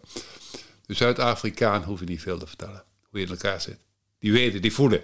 Die voelen. Je hoeft niet te vertellen, ja, het hele verhaal. Dat hoeft, hoeft gewoon niet. Dat is ook niet belangrijk voor ze. Ja, zeker de donkere man en vrouw. Eh, Zeker. Ja, de witte ligt wat anders. Dat is meer westers of zo. Maar die mensen die hebben zo zijn eigen gevoeligheden. Nou, goed, ik kwam daar. Deze organisatie heeft ook een health-organisatie in, in zich. En via die organisatie, eh, goed, goed, ik ben er wel eens geweest, et cetera, maar goed lang verhaal kort. Dus uh, Zuid-Afrika berust ook op de twaalf principes van deze organisatie, van die wereldorganisatie. Twaalf principes. Als je ooit in, uh, komt, als je ooit in de gelegenheid bent, dan moet je eens gaan ja, naar het zuiden. Dan moet je eens vragen naar het ronde gebouwtje met de pijp, et cetera. Het is een klein gebouw, maar rond op een groot plein. Dan loop je naar binnen, dan zie je op beton, zie je ingegrift de, de, twaalf, de twaalf principes van deze organisatie. Dat was de enige manier om blank en zwart namelijk bij elkaar te krijgen. Ja, ja. Dus de grondwet van Zuid-Afrika berust op deze twaalf principes. Dat is het Baha'i. Het Baha'i-geloof is dat. Ik ben, ik ben lid van Baha'i-geloof. Dus niet geloof in de zin van aannemen dogma's, helemaal niet. Ja, de oprichter zegt hiervan, trouwens dat is de oudste zoon, dat, die, die legt de dingen op een, mens, op een menselijke manier uit. Op een nuchter, meer begrijpbaarste vader, ja, die is een profeet. Ja, we noemen hem de laatste profeet. En, eh, maar goed, je kunt het internet opzoeken. En zit Baha'i schrijf je B-A-H-A-I.org. Dan kom je op de internationale site en dan zie je al die... kun je doorlinken naar NL en et cetera. De hele andere plan meer. Maar goed, we zijn voor de vrede. Gelijkwaardigheid van man en vrouw. Even kijken, iedereen verplichte opvoeding, kinderen, et cetera, op school. Iedereen heeft recht op scholing en dat soort zaken meer. Industrie staat in dienst van de landbouw. Nou, deze, dit geloof is in 1844 gestart, in Perzië. Hij is om zijn, in islam toen de tijd, om zijn lering is hij doodgeschoten, zelfs als Christus gekruist is, weet je wel. Maar goed, als je interesse hebt, zoek maar op. Ik bedoel, uh, iedereen kan zijn eigen dingen pakken. Dat, nou, goed. Het heeft mij gevormd. Dat wel. Gevormd als? Als mens. Kijk, ik ben niet opgevoed. Mijn moeder stierf toen, ze, ja, toen ik negen was. Gezin uit elkaar. Ja, uit de vader Nou goed. Mijn broers en zussen bij het dansen, dat, dat heb je ook geleefd. Maar ik lag in het sanatorium. Daarna had je huishouders. Om de zes weken kwam er wel een ander. Ja, een vrouw die de huishouden deed en die dus de boodschappen deed. En het eten niet eens verzorgd. Want ik had oudere zussen, die pakten dat over. Ik werd niet opgevoed. Ik was als een wild dier. Totdat, ik, ja, totdat ik dit geloofde. Kijk, ik ben diep katholiek opgevoed. Angst en verdoemenis. Hoezo angst en verdoemenis? Als ik uh, s ochtends niet naar de kerk ging, dan kreeg ik geen ontbijt. Want de moeder lag vaak in het ziekenhuis, van de kinderen baren wat de pastoor, ja, dat kon ze niet tegen, lag in het ziekenhuis. En, zei, nou goed, en mijn vader moest vroeg naar het werk. Dus ja, we werden een beetje aan ons lot overgelaten. Maar oké, okay, goed. Dat was dat zo. Als kind, ja, ging natuurlijk ook naar school. Dus jongensschool en meisjesschool apart. Dat was toen de tijd, enzovoort of zo. In mijn tijd, dat is ongeveer 70 jaar geleden ongeveer. Of, iets langer, ik ben 77, dus iets langer geleden. De lagere school. Als je s'morgens in de kerk was geweest, dan vroeg, dan vroeg het hoofd van de school, gewezen kniloverzier enzovoort. Hij was erbij toen dat gebouw werd gebouwd. Hij had de vensterbanken extra laag laten bouwen, de ramen laag, zodat de kinderen de handen op de vensterbank konden leggen. Want als ze niet naar de kerk was geweest en je durfde geneden zeggen, moest je die handjes moest je op de vensterbanken leggen. En die gingen met een Spaanse rietje tien keer overheen.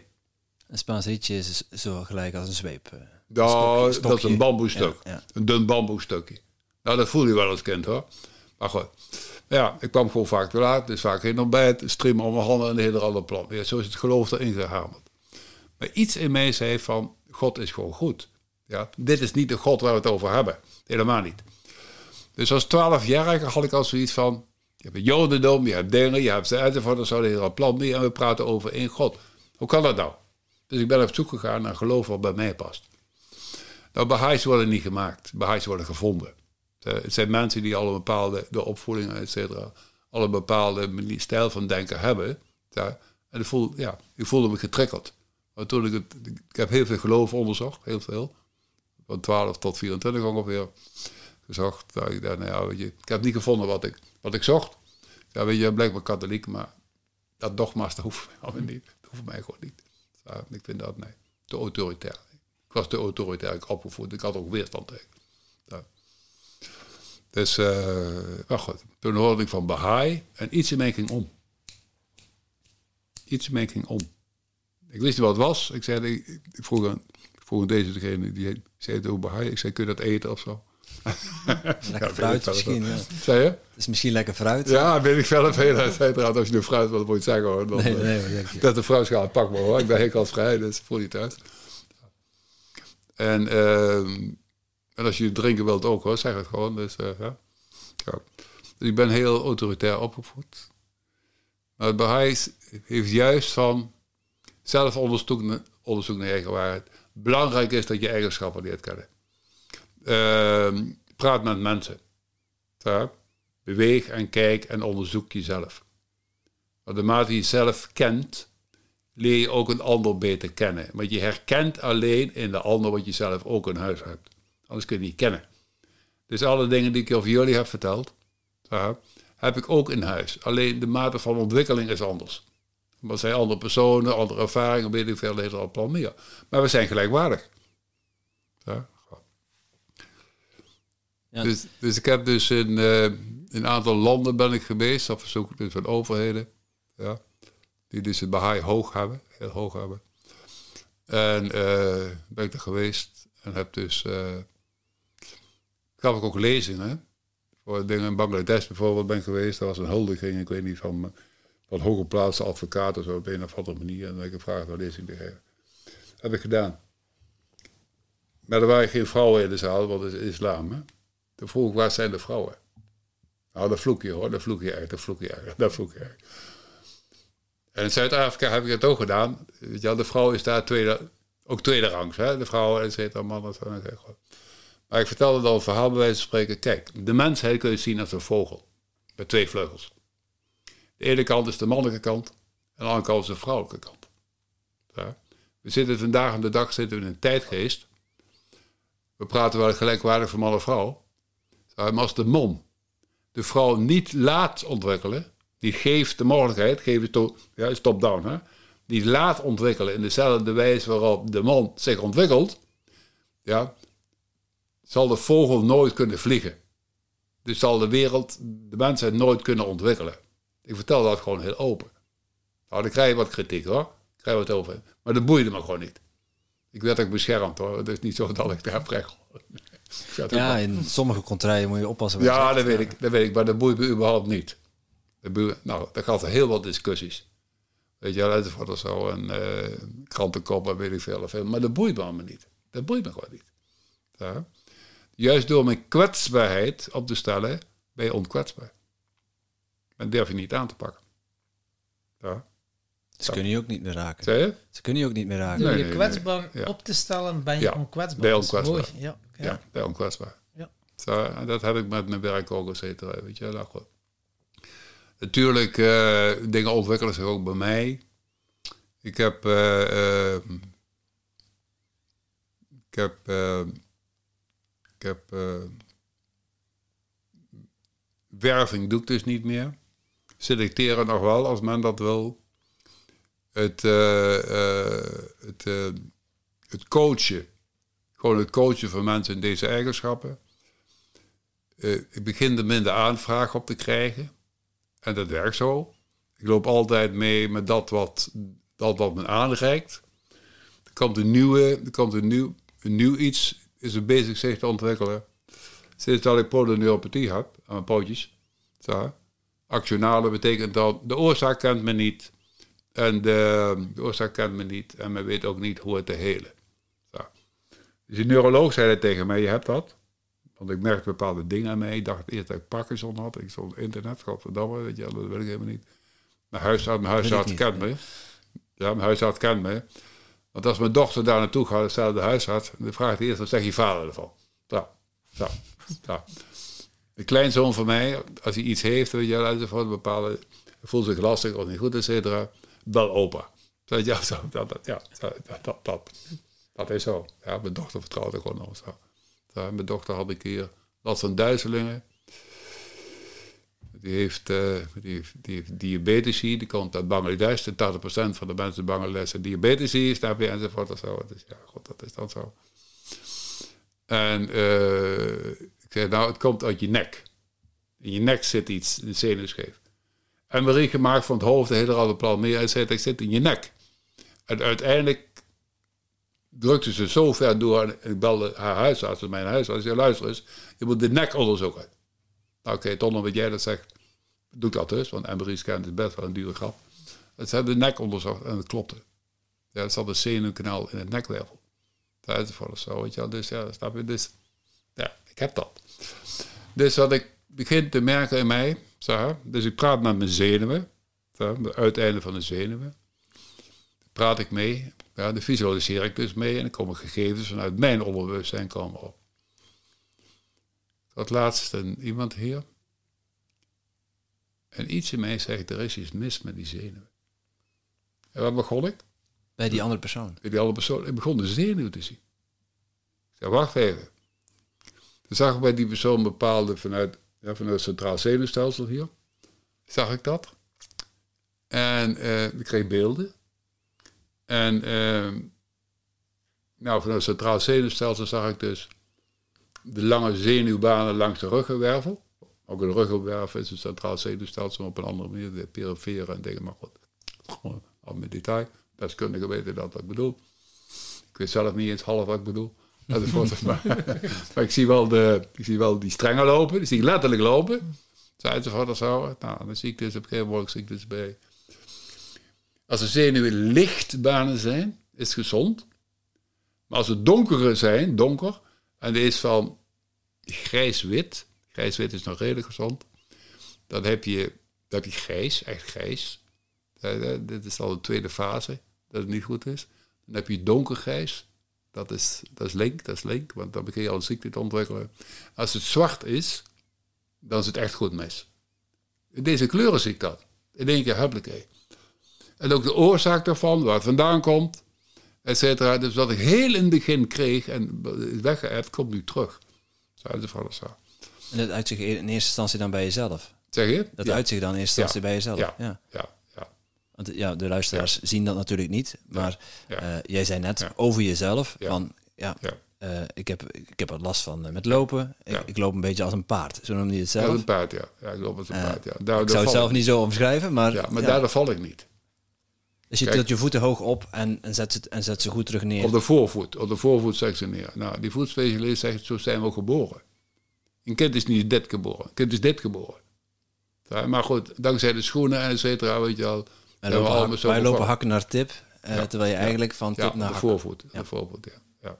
Maar goed, ik ben dus een ouder iemand en die hebben vaak neiging om te vallen. Dat was vier jaar geleden, was dat, augustus. Ik liep in Overvecht met een groepje mensen, de praten, et cetera. En die liepen wat snel door en natuurlijk enzovoort. Ik ben een beetje lang, dus ik, ik loop als een olifant, weet je wel. Gewoon rustig, kalm, et cetera. Dus ik liep snel. Maar ik zag die stoeptegel niet die zo. Dus ik katte eroverheen. Neus gebroken. Uh, even kijken, de. Wat dat ding? Knieschijf? Nee, de knieschijf. Kruisband? Meniscus? meniscus? Nee, ja, meniscus gescheurd. Ja, voor het ziekenhuis Dus ik was andere plannen met die groep aan doen, maar ik beland in het ziekenhuis. Neusoperatie rechtgezet en heel wat van meer. Het hele vel was er helemaal af. Die was er bij mijn huisarts was er een doktersassistent die had een jaar gewerkt op de eerste hulp. Namelijk van het ziekenhuis. Die wist precies die wonden te genezen. Die heeft dat perfect genaaid, want je ziet er niks meer van. Misschien een heel klein beetje.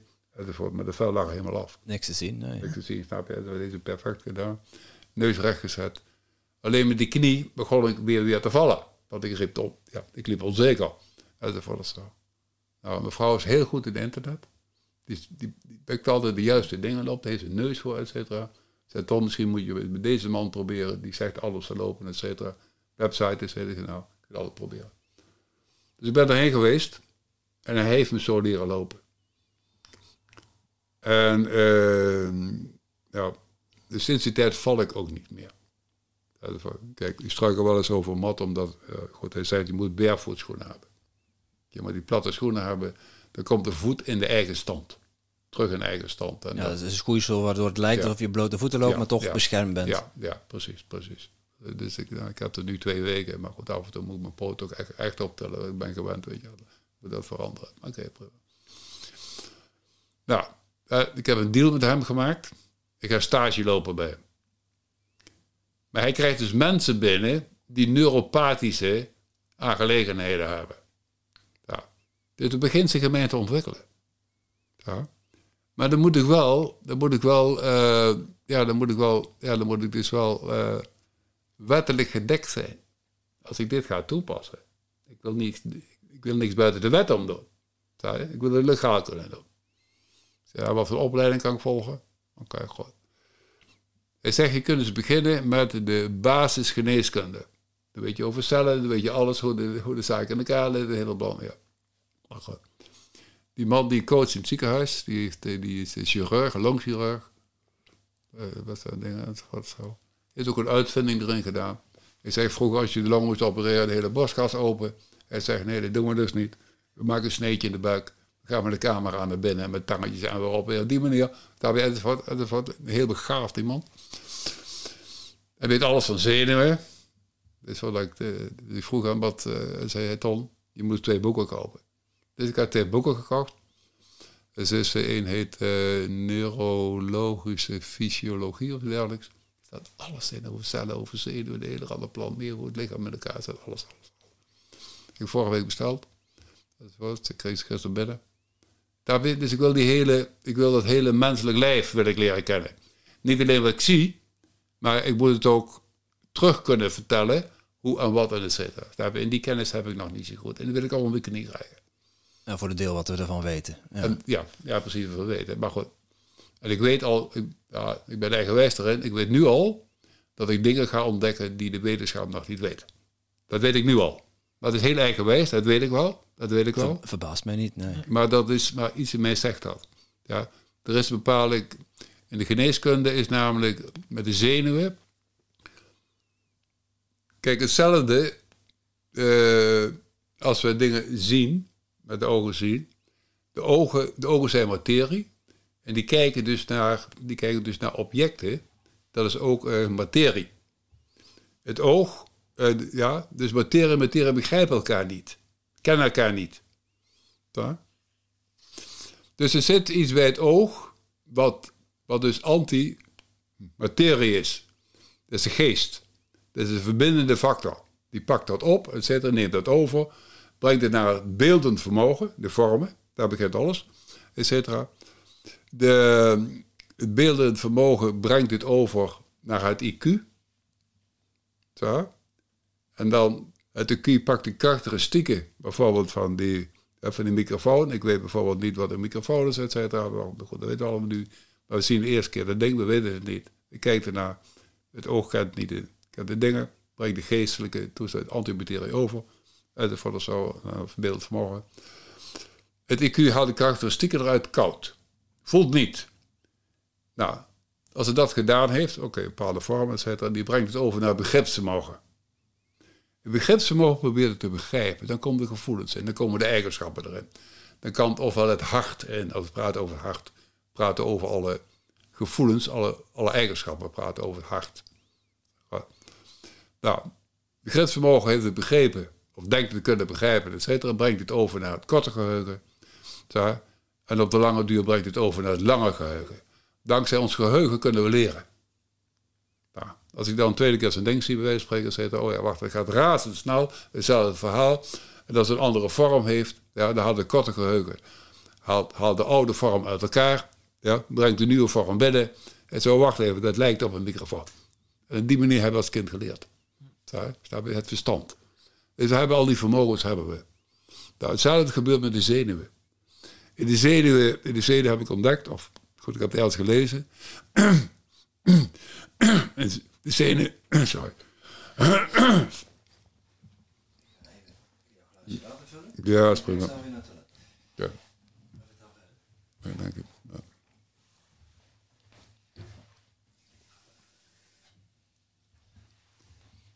Ik denk wel. Mag ik nou stoppen? Is het gestopt? Ja, vertel verder. Oké, oké. Oké. Ja. Dank u wel. Nou, de zenuwen hebben, hebben ook iets antimaterisch in zich. Antimaterie. De geest.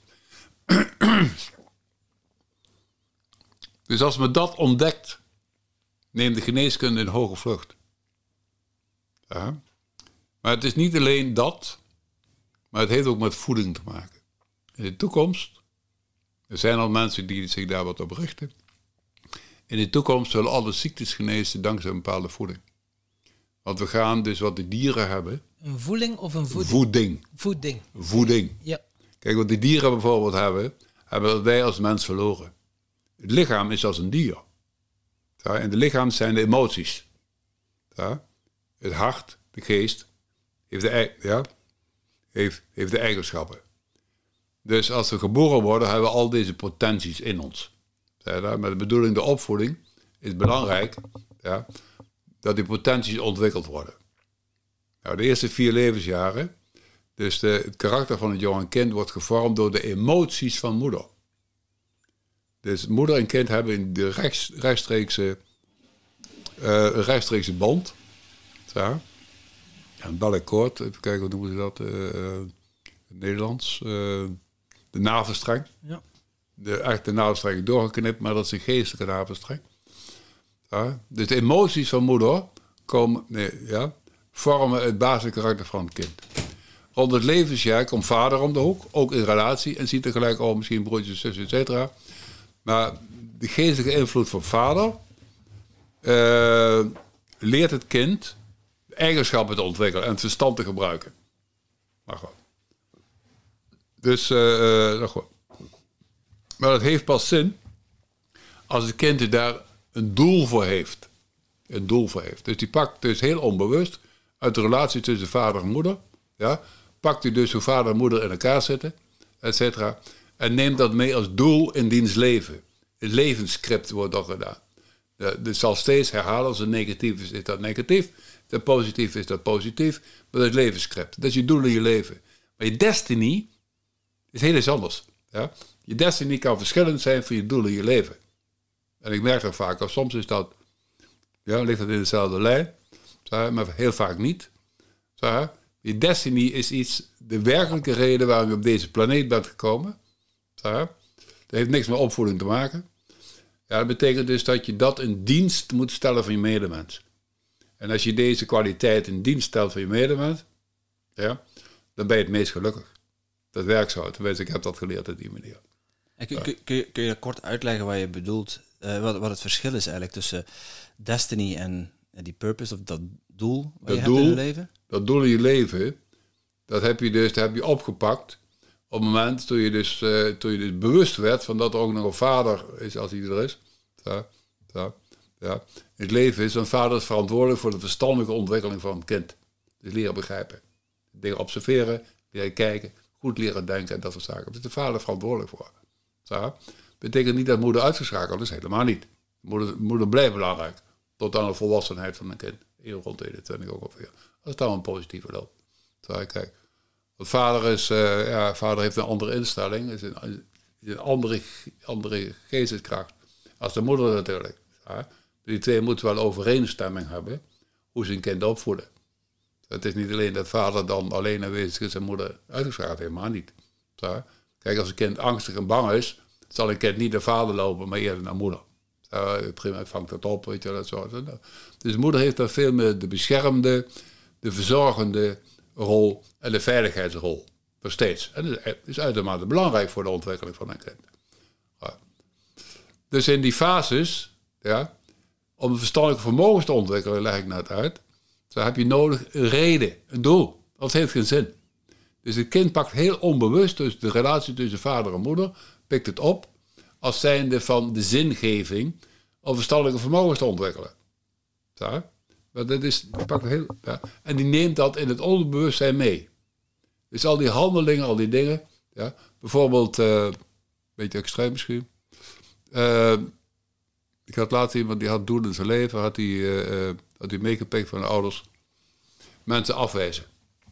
Als doel in zijn leven? Ja, ja, ja, ja. Want de relatie tussen moeder zat niet zo heel best. Enzovoort zo, weet je wel. Vader wees moeder af en andersom ook, weet je wel. Die zaten te kibbelen, deden er al een plan meer.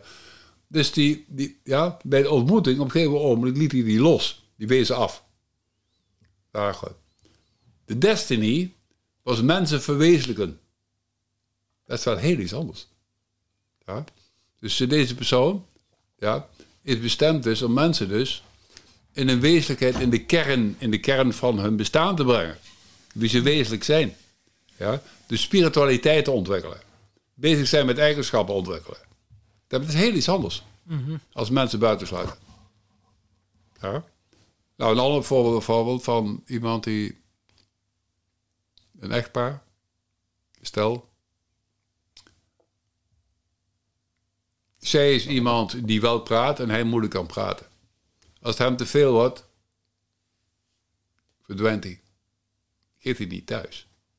Dus zij valt dan met, als het ware geestelijk, ja, met de bek op de grond. Enzovoort, weet je wel. Nou, natuurlijk, geen relatie. Ja, we zeggen tegen wacht even, je laat hem de ruimte ook niet om zijn eigen verhaal te doen. Dat doe je ook niet. Je neemt hem onmiddellijk over. Is het dat, is het dat, is het dat. Ja. Hij heeft meer tijd nodig dan jij, ja, om de zaken namelijk ja, op een bepaalde manier te kunnen brengen. heeft er moeite mee. als je, als je nog gewoon de tijd gunt, dan komt u best wel. Je kunt hooguit vragen, bedoel je misschien dit? Je kunt niet zeggen, dit is heb ik opschiet, et cetera. Ja? Ja? Dan jaag je, dan gooi je als ware een knuppel in een hoenderhok. Hè? en dan ga je op afstand kijken wat er, dat wat er gebeurt. Wezenlijk is dat gemeen. Deze man heeft als destiny kinderen te leren voetballen. Heel praktisch. Dat is een heel praktische... Een heel destiny, praktische ja. destiny. En hij zit tegenwoordig, is hij als jeugdtrainer, zit hij, zit hij bij voetbalelftallen. Oké. Op het moment, weet je, ja, ik heb hem dat verteld. Ik zei, huh? Hij zei, ja, nu je me dat zegt, in de jeugd, in, de je- in mijn jeugd, in mijn jonge jeugd. Elk spel, voetbalspel, elk spel met bal won ik. Oké. Dus waarom heb je daar je ding niet van gemaakt, je beroep niet van gemaakt? We hadden heel 12, ambachten, 13 ongelukken, dat krijg je dan. Hè? Ja. Je iets anders doet. Dat past ook nergens in. Ik zeg, A, je bent de buitenmens, B, je bent dat. Oh. Ik zeg, meld je me ergens aan. Ja, dus zullen je nemen, want je straalt het ook uit. Voor, voor voetballiefhebbers, voetbalkenners, die, die herkennen dat in jou. Dus uw destiny is eigenlijk al voorbestemd. Bijvoorbeeld bij Ja. mij, mensen wakker schudden in Ja. hun potenties. Ja. Dat was al voorbestemd. Ja. Maar Dat Destiny betekent voorbestemming. Hè? Destiny betekent je Ja, ja, ja, ja, voorbestemming. is voorbestemd. Ja. En dan Ja, bijvoorbeeld, mijn doel in mijn, lezen, in mijn leven Ja. is dan mensen aanmoedigen. Ja, ja, ja. In de sport. In voetbal, ja. In balspel. Oh ja. Een balspel. Specifiek balspel. Mhm. En hij is echt een professional. Hij is jong, hij is vrij jong. Hij kan nog eh, hij kan dingen doen, et cetera. Alleen de pesten ze verdient niet zoveel, maar goed, of nog niet. Is nou, oké, prima. Dus eh, we hebben samen afspraken gemaakt, hoe je daar goed. Ze heeft een goede baan enzovoort. Ze kan goed betalen voor twee enzovoort of zo. Ja, dat zit een beetje achter de broek. Ja, dat, ik kan hem opzeggen. daar ben ik even terecht. Ik heb ze, ik heb, ze- ik heb ze geboetseerd, laat ik het zo zeggen. Ik boetseer mensen wel eens. Ja, ja, ja. Ja, maar oké, ook, wel, ook wel op een integere manier. Het is niet zo dat ik zeg, nee, nee, nee. Ik schrijf ze niet af, ik doe dat niet rot op, helemaal niet. Ik laat ze wel gelijkwaardig voelen aan elkaar. Dat ook wel, dat vind ik belangrijk. Oké. Daar we dit wel aan denken. Dus ik ben me aan het bekwamen in neuropathische aangelegenheden. Ja, dat is wel een Ja. interessante. Ja. Eh, je, je had het net over de ontwikkeling hè, bij, bij kinderen. Ja. Eh, en ja, je, je centraal zenuwstelsel is een van de eerste dingen die ontwikkeld wordt. Ja, En blijft eigenlijk je hele leven lang een essentiële rol spelen in, in alles wat je doet. ja, En je, hebt, eh, je hebt eigenlijk twee hoofdbanen. ja, laten we zeggen dat, dat ze, eh, tenminste, de ene is ontspanning en de andere is actief stress. mhm, En ze kunnen nooit tegelijkertijd aanstaan. mhm, En om mensen om, een- om een beeld te geven, is alsof je het licht aan en uit doet. Ja. En dat je twee, kleur, dat je twee kleuren lampjes hebt. En ze Ja. kunnen niet tegelijkertijd branden. ja, En ja, steeds meer mensen zitten in, ja, ook door, hè, door te veel prikkels of door te veel willen. Ja. Zoals ik zelf bijvoorbeeld. ja, Eh, continu in die, met dat ene lampje wat altijd brandt. En dat stresslampje. ja. Heb, heb je daar ook ondertussen al, eh, al iets voor gevonden? Iets, is dat op te lossen bij mensen? Ja, kijk, het levensstijl. Het heeft te maken met levensstijl. Kijk, het feit dat ik polyneuropathie heb, tenminste dat noemen ze zo. Volgens mij is het iets anders, maar ze hebben het niet onder woorden kunnen brengen. Dus ik ben aan het uitvissen wat ik er nu werkelijk wel heb. Ik had een zeer dominante moeder. Alles moest op haar manier. Maar goed, als kind voelde ik de dingen niet zo goed aan, want mijn gevoelens werden weggedrukt. Ja. Dus, dus ik begon niet zo, snap je, ze wordt altijd bang om te voelen. Mijn broers en zusjes, zo, ja, die voelden wel, die wisten wel, oh wacht even, als ik bij mijn moeder dit doe, dan moet ik niet doen, anders krijg ik een pak slagen of ik krijg straf. Weet je, enzovoort en zo. Maar ik voelde het dus niet. Ja, want ik mocht niet voelen, ja, als kind. Dus ik was altijd, ik was een zwarte schaap thuis. Ik kreeg altijd klappen van mijn moeder. Of als ik dus, eh, ik had toen een zwakke blazer, zo, als ik per ongeluk in mijn broek deed, et cetera, heb kleren uit naar boven. Ja. Met mijn naakte kont moest ik op mijn kamer blijven voor straf, wat ik had dat gedaan. Je? Alsof ik alles expres deed. Ja.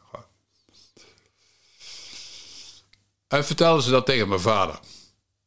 Vader hoofdgezin, et cetera. Dus ik klaagde tegen mijn vader. Mijn vader was dat zat op een gegeven moment. Het geklaag van, van jouw moeder. Ja, precies. Zeg je? Hij was het geklaag van jouw moeder zat. Ja, ja, ja, ja, als ik klaar zat. Maar mijn moeder vertelde, hij doet dat expres, et cetera. wel. Hij volgt het niet. Dit is, eigenlijk- dit- het is de zoveelste keer dat hij zelf doet, dus hij leert het niet. Dus mijn vader sloeg me dan ook. Dus ik kreeg dubbel straf. Goed. Dus mijn moeder was de passieve agressor. Daar heb je dus in relaties vaak. En mijn vader was de executor. Dat was de actieve agressor. Nou, broers van mij die hebben soms wel eens nachtmerries over, zeg ik wel eens, op verjaardagen. Ze hebben nog wel eens nachtmerries over op de wijze waarop mijn vader me zo sloeg. Als hij me onder dichte deur had door kunnen trappen met zijn bouwvakkerschoenen, stalen neuzen, had hij dat gedaan. Dus ik was uitermate gevoelig. Dus onder die hoge stress, die hoge stress. Zo. Een arts heeft ooit tegen mij gezegd, Tom, ik snap niet dat jij dood, niet dood bent gegaan. Dit is zware mishandeling. Dit is echt zware mishandeling. Hij begreep dat. Hij zei, is om die hoge stress, et cetera, ja, en die klappen, zijn mijn zenuwen beschadigd. Dat komt daardoor. Maar ik, praat daar goed enzovoort of zo. Ik heb een droom gehad, een bijna doodervaring, waar ik mijn vader ontmoette. Uh, hij zei, Ton, ik had je verkeerd begrepen. Dat zegt hij dus. Dus ik was daar, op een andere plek. Dat is ook heel bijzonder. Ja. En uh, hij zegt, Ton, ik heb je verkeerd begrepen. Ik dacht dat je altijd expres deed. Mijn excuses. En dat, dat deed me wel wat. Hij zegt, uh, ik geef je een lampje mee. Een lampje. In de geest. En een klok. Een ouderwetse klok. Ja, van heel oud zitten twee van die halve maandjes op en zit een tingelbel tussen. Et cetera. Ja, ja, ja. Die stond op 20 voor 12. Okay. En uh, er was een, in de nacht 21 op 21 maart 2017 was dat. En uh, dat weet ik nog wel. En op 21 maart vieren Baha'is een nieuwjaar. Wereldwijd, maar de, ja. de, moslims doen dat ook. Het is hetzelfde verhaal, maar hun ding een beetje al nieuwjaar. Rond die tijd, Nauruz heet dat. Et cetera. Dus uh, in die nacht is een bijzondere... Ja, dan begint het nieuwjaar. Baha'is hebben 19 maanden van 19 dagen.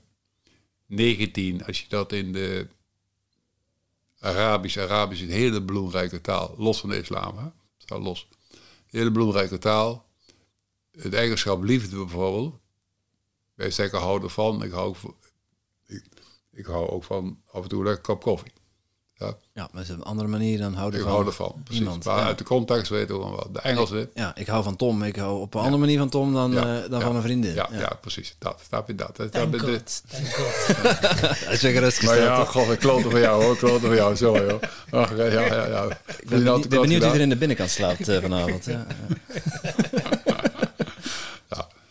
Ja, dus uh, even kijken, nu ben ik even van apropos. We hadden het over de, de, de bijzondere... Uh, liefde, ja, wat ervan in het Arabisch. Oh ja, Arabisch heeft 40 betekenissen.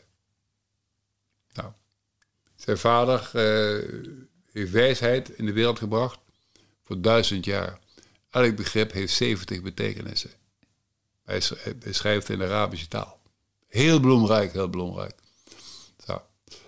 Dus hoe kom ik hierop? Oh ja, 19. Als je 19 vertaalt vanuit Arabisch in het Nederlands, krijg je eenheid in verscheidenheid. En Baha'i geloof is gestoeld op eenheid in verscheidenheid. De samenwerken. De samenwerken. Hij heeft een, uh, heet Abdul Baha, heet hij. Dienaar van Baha, dus dienaar van zijn vader. Enzovoort zo. Of een dienst van zijn vader.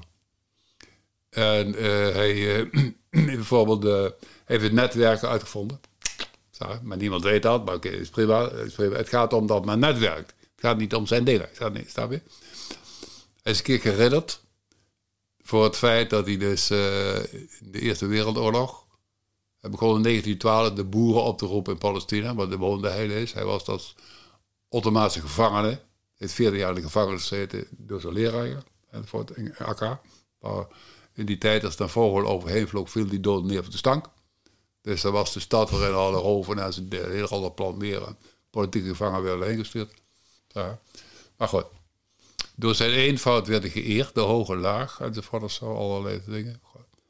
Dus in 1912 begon hij de boeren op te roepen, want hij verzag de Eerste Wereldoorlog. En uh, om graan en dat ze extra, extra verbouwen. Ja, dat ingekuild, et cetera. Toen de Eerste Wereld uitbrak, toen kon geen graan en geen voeding meer van buitenaf ingevoerd worden. Wij hadden ervoor gezorgd. Uh, dus alles werd wel op rantsoen gesteld, maar iedereen ging niet om van de honger.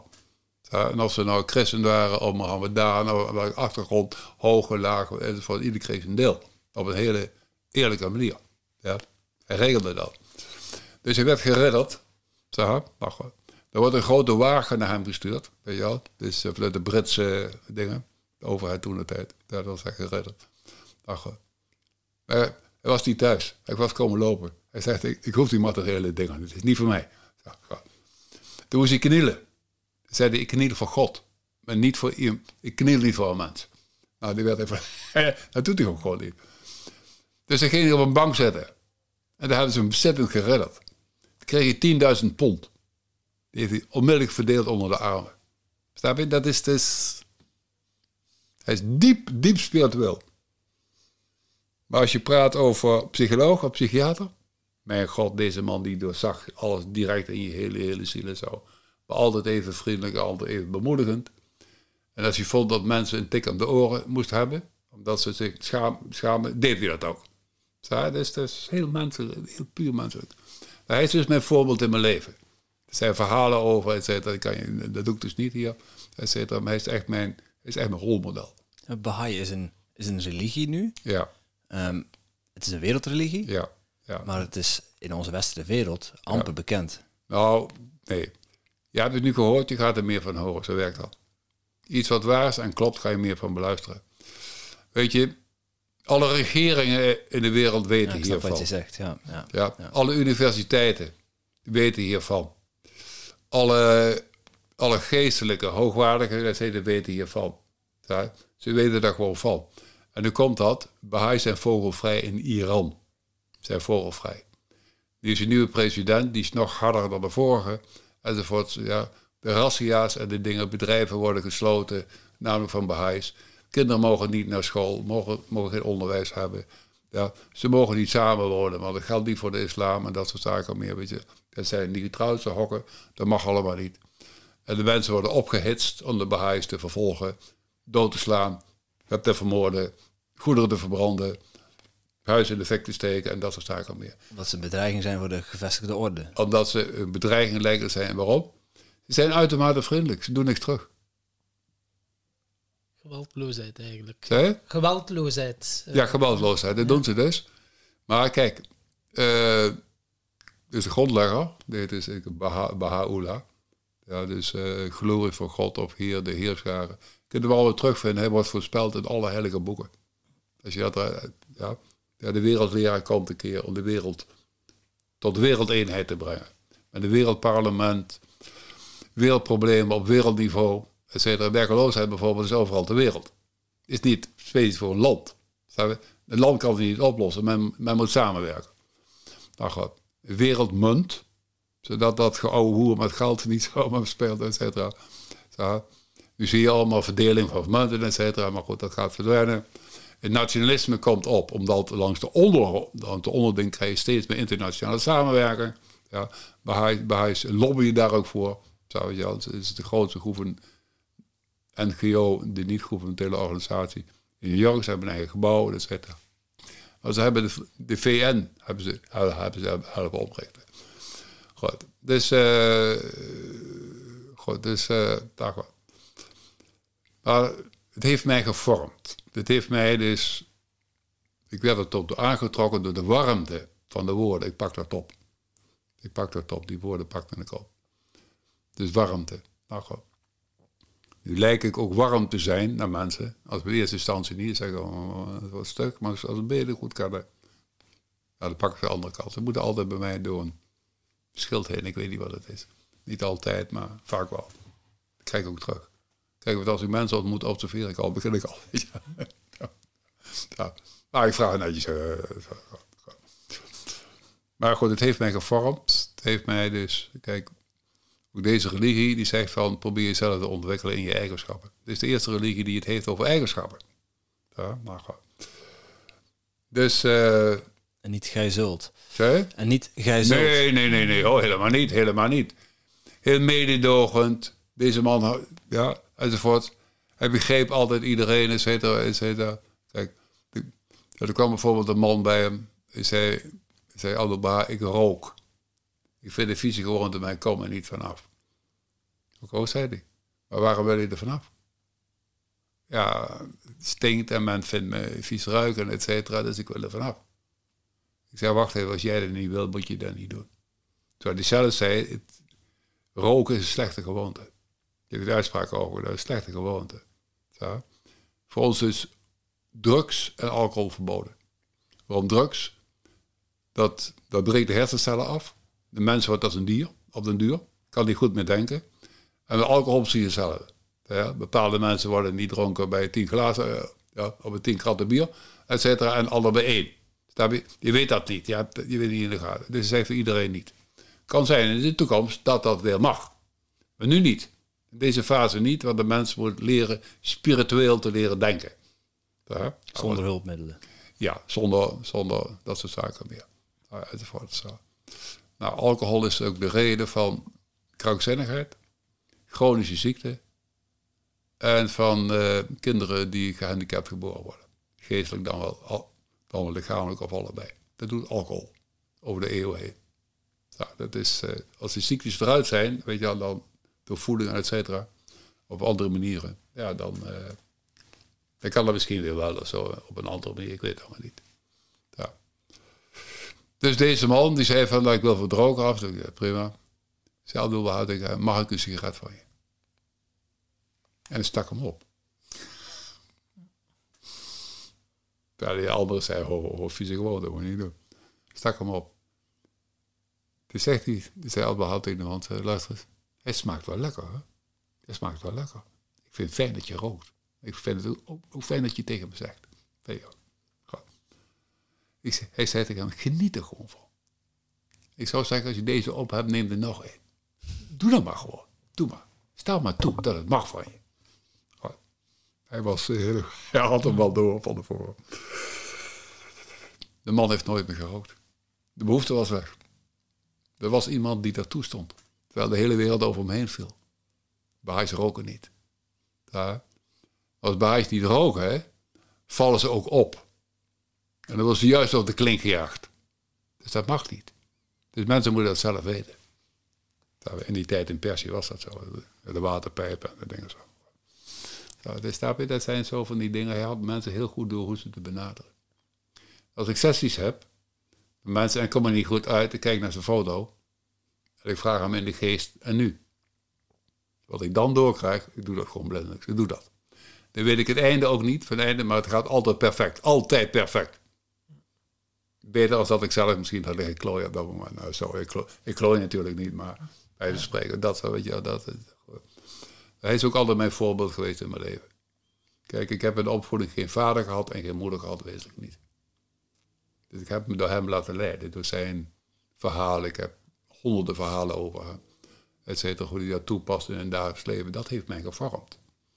Maar het betekent niet dat iedereen die gaven heeft, ook Baha'i moet worden. Dat zeg ik helemaal niet. Daar heb ik het helemaal niet over. Wat, zo. wat. Maar hij heeft wel een uitspraak gedaan over inefficient. Hij zegt inefficient, iemand die inefficient doet, dat heb ik dus. Zo, die heeft een rechtstreekse zuivere lijn met de zon van universele kennis. En haalt er dat uit, daar waar hij goed in is. Ja, goed. Ja. Toen ik dat hoorde en las, ja, toen ben ik dat gaan kijken wat ik nu wezenlijk doe. En tevens zegt hij het volgende erover.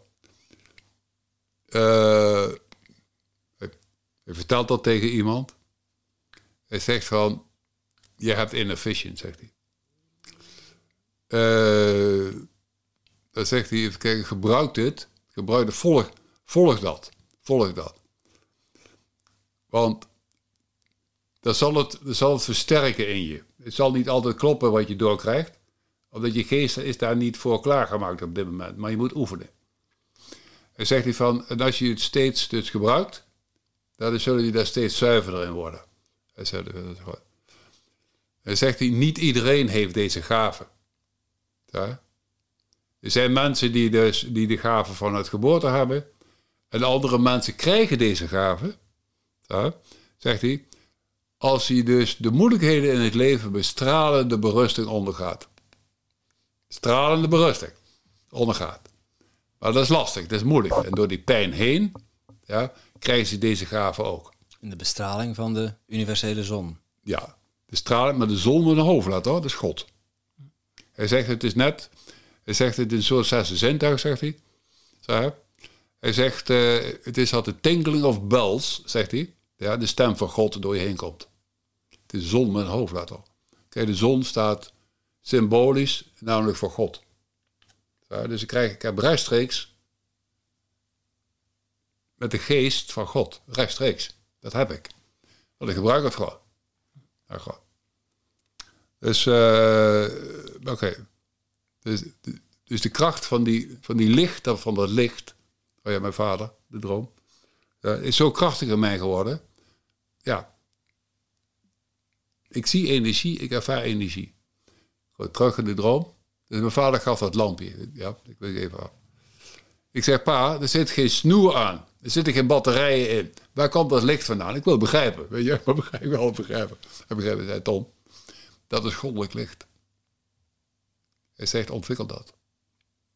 Hij zegt, wel, je zult, je zult, je hebt een potentie in je, wat de wetenschap niet kent. Wat de geneeskundige wetenschap niet kent. Ontwikkel dat bij jezelf. Ontwikkel dat bij jezelf.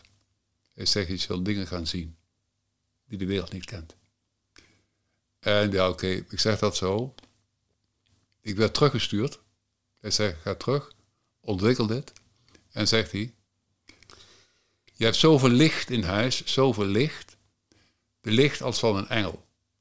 Je zult mensen gaan ontmoeten die potentiële engelen zijn. Ontwikkel ze in een engelschap. Die opdracht krijg ik mee. Nou, goed, oké. Dan denk ik, hmm, weet je wel, dan ik zeg, ja, wel mot ik daarmee. En jawel hoor, kwamen mensen op mijn pad, potentiële engelen. Zoveel liefde, zoveel mededogen, zoveel zijn, zo warm, zo close, zo omarming. Hij zei dat impotentie. Weet je, ik begon dat te ervaren. Zo, zo. Jullie zijn twee engelen. Wat doe je? Je zet dit in dienst van je mensen, omdat je mededingen, et cetera. Ik ontmoet jullie. Zo, enzovoort. Zo. Ieder in diens eigen stijl, op diens eigen wijze.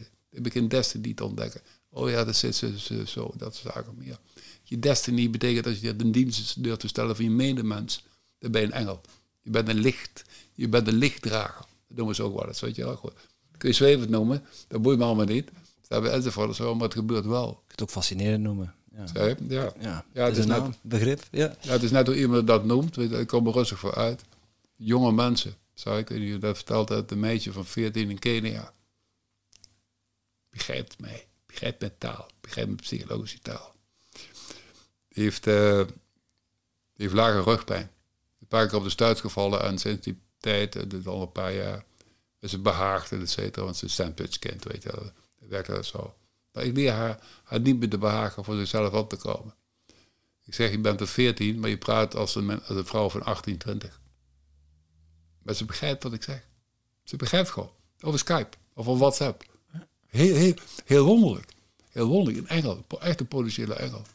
Maar ik ken... Ja, ze komt uit Kenia. Ze spreekt geen Nederlands, denk ik. Engels, ze praat Engels. Praat Engels. Ik denk geen Engels te kunnen, want iets in mij zegt altijd, Ton, ik moet meer Engels leren. Maar ik praat gewoon Engels. Het gebeurt. Ja, ik heb... Uh, ik ben geen taalknabbel. Mijn vrouw wel. Die heeft Nederlands geleerd. Ze kwam in Nederland toe. Ze kwam in Macedonië. Twaalf jaar geleden. En... Uh, en ja, en, uh, ik praat Macedonisch en Engels. Dus dit hebben we elkaar Engels ontmoet. Maar goed, dat ging goed. We voelden elkaar goed aan. We hadden synergie in 1 Zo. Maar die heeft gewoon talenknobbel. Die heeft binnen twee jaar gewoon puur Nederlands geleerd. Puur. Ja, het is geen eenvoudige taal om te leren. Nee, helemaal niet. Helemaal niet. Maar zij wel, ja, ze maakt wel eens foutjes. De tonk even nakijken als iets de wereld insturen. Zo'n video. Maar ze zit in relaties. Relatietherapie of relatiecoaching, dat doet ze dus. Ze heeft een opleiding voor gevolgd. Ze, heeft, uh, ze is bankdirecteur geweest. In de stad waar zes internationale banken waren. Ze heeft, uh, heeft een bank opgericht. Zoals was dus bankfiliaalhouder van de Duitse bank. Die daar neerstrak. In de ochtend was het de Zuidelijke stad, et. Zes internationale banken. Ze leerden haar kennen. Na een jaar moest ze een tweede bank oprichten. Enzovoort in dezelfde stad, et. Want de klanten kon ze... Ja, ze trok als het ware door haar gedrag. Hele zuivere, puur zuivere vrouw. Zo, die die dingen uit zuiverheid doet. Zo, nou. Dus ik zag het altijd. Oh, wacht. Oh, in ieder geval, lang verhaal kort. Zo, ze besloot in Nederland te komen en mijn assistent te worden, als het ware. Dus ik heb haar getraind in, uh, in de coachingvak. Ze hebben Tony Robbins heeft een zware relatieopleiding gehad samen met de beste psychiater uit Amerika. Die hebben samen een cursus opgezet. Heeft ze gevolgd in een jaar tijd. Mensen doen er langer over. Hoog intelligent, hoog intelligent en pakt dingen op. Ontzettend gastvrij, ontzettend liefdevol naar mensen. Altijd, staat altijd klaar en de hele plan. Yes, nou, ik was al 25 jaar op zoek was ik naar een andere partner, want de partner waar ik was, die zag me niet. Ik kreeg over de schuld van, weet je wel. Ik trouwde als het ware mijn moeder. Weet je wel, maar goed, dat weet je nooit. Als je trouwt, dan trouw je altijd een van die ouders of zo positief. maar dat was hartstikke negatief. Maar goed, tussen 84, toen ik mijn bedrijf startte, wilde ik al weg waren. Ik zei, ja, maar Tom, we hebben geadopteerde kinderen. Dat doe je niet zo. Maar ik ben een verantwoordelijk man. Ik zei, heb ik gelijk. Dat gaf me aandacht aan mijn business. Want ik ik deed toch nooit iets goed genoeg voor mezelf. Ja, toch, je hebt de boeken, ik doe het uit ervaring. Ja, daar, de huwelijk was hartstikke fout. Ach god. Dus ik was eigenlijk altijd wel op zoek ergens, zoals een half oog als ik kwam in de wereld of zo. Toen kwam in uh, Amazonegebied, het Andesgebergte, in Ecuador, Indianen. Zo, dus ik had de taak om daar jonge Indianenkinderen op te leiden, in de karakter dat zaken meer. En uh, dat was een Baha'i-school, weet je wel, die dat, uh, die dat ook heeft. Of scholen, zijn scholen in de wereld die dus gericht op Baha'i-principes. Het jonge kind op school laten komen. En dan kwamen kinderen al van twee jaar af. Hè. Ouders stuurden ze gewoon daar naartoe. Zo, dan lopen ze zes, zeven uur in de bergen. En dan lopen ze dus. Zo, zes, nee, vier tot vijf uur in de bergen komen ze naar school. Beginnen al om zes uur, beginnen al twee uur s'nachts te lopen bij groepjes natuurlijk. Daar, naar de school in Quito, of de buurt van Quito, dus de, hoofdstad van Ecuador. En dan gaan ze een halve dag naar school en dan lopen ze weer vier uur terug om te eten en te slapen. En om twee uur was elke dag. Dat is, dat is echt, dat is, dat is niet te filmen. Dat is echt niet te filmen. Zo, zo moet, zo mogen. Maar de leren eerst de eigenschappen kennen. Is sociaal, ja, met socialisatie met elkaar. Vanaf twee tot ongeveer zes, zeven jaar ja, zeven, zeven jaar. Vanaf zeven of acht, net naar gelang de leerkansen te hebben, zo, beginnen ze de werkelijke scholing te krijgen wat men didactisch heeft. Zo, maar dan hebben ze al bepaalde in de gaten, dan hebben ze al in de gaten waar ze goed in zijn. Nou goed. Als ze rond de twaalfde van de lagere school afkomen, weten ze exact wat voor beroep ze willen. Exact. En als ze daar goed in zijn, volgen ze vaak twee, drie opleidingen naast elkaar. Als ze dat kunnen natuurlijk. Hè? En dan komen de ambachten, et cetera. Maar die worden met hoog ethische normen worden daar ontvangen. De ouders zeggen, alles willen dat niet. Dus die school staat hoog aangeschreven. Oké, goed. Ik werd een keer gevraagd om meer uit te leggen over de dingen. Zo, goed. Dus uh, ja, dat, was, dat, dat, dat heeft me geraakt. Dat heeft me, dat heeft me gevormd. Weet je wat in Zuid-Amerika zo lekker is? Waar ik van hou? Ik knuffel mensen. Ik raak ze aan. Mhm. Ik doe dat. Ik, ik ben een knuffeldier. Ja. Ik weet dat. Maar kom je in het westen? Oh. Ja, afstand. Dus ik kwam een keer... Meter graag, ja. Ja, ja. ja. Oh, oh, En als je een keer oh sorry. Ik zei nou, doe nog een keer, vind het lekker. Ja. Zo. Dan denken ze, oh, oh wacht even. Een motivant van mij, weet je, dat is eigenlijk. Ja. Deze mensen kijken elkaar ook recht in de ogen. Hier niet, hier moet je oppassen, recht in de ogen kijken. Als je Zuid-Afrika een vrouw recht in de ogen kijkt, dan is ze eigendom voor je. Pas op. Oef. Ja, pas op. Dan moet ik niet naar Zuid-Afrika. Nee, snap je? Snap, ja. je? Dat, dat, dat, dat, Kijk, al die dingen leren natuurlijk. in ieder geval... Uh, Oké. Okay. Ik, ik, vraag me nog af, ja. uh, Ton, want je had het over het lichtje. Ja. Het klokje. Ja. Eh, het stond op 20 voor 12. Kun, Ja. kun, kun je daar iets meer over Ja, vertellen? ja, ja, ja, ja. In de eeuwigheid staat elke minuut voor één jaar. Dus ik krijg twintig jaar de kans om dit te ontwikkelen, dit door te geven aan mensen, mensen daarin op te leiden en mensen erin te trainen. En ik dank God op mijn blote knieën af en toe dat ik deze gave niet eerder, niet eerder heb, kunnen, niet eerder heb over toe te passen. Ik had er mensen mee kunnen slopen. Ik had er, mis, ik had er misbruik van kunnen maken. Weet je, ik heb een dermate opvoeding gehad. Dat zei iemand eens een keer. Ik heb goede coaches ook genomen. De beste coaches die je kan vinden binnen Europa. Dat is wat, ik reis er ook naartoe hoor, naar Italië en zo en andere landen. Ik reisde gewoon heen om, om hele goede coaches te ontmoeten. Ja, dus niet alleen Baha'i, maar goed, ik, ik wil het ook in de praktijk. Ja, er staat een stukje theorie, maar in de praktijk het zijn hele goede coaches. Die me ook zagen. Die me ook zagen in mijn gaven. Ja? Dat heel veel coaches zien je niet. Die zie, zie je wezenlijk niet hoe, je in elkaar zit. Maar daar, heb- daar heb ik er ook niks aan. Dan kan ik ook niet ontwikkelen. Want dan moet ik hun les volgen op hun methode. Dat doe ik dus niet. Kijk, ik ontwikkel, als ik mensen help ontwikkelen, in een karakter, ja, de mens is de methode.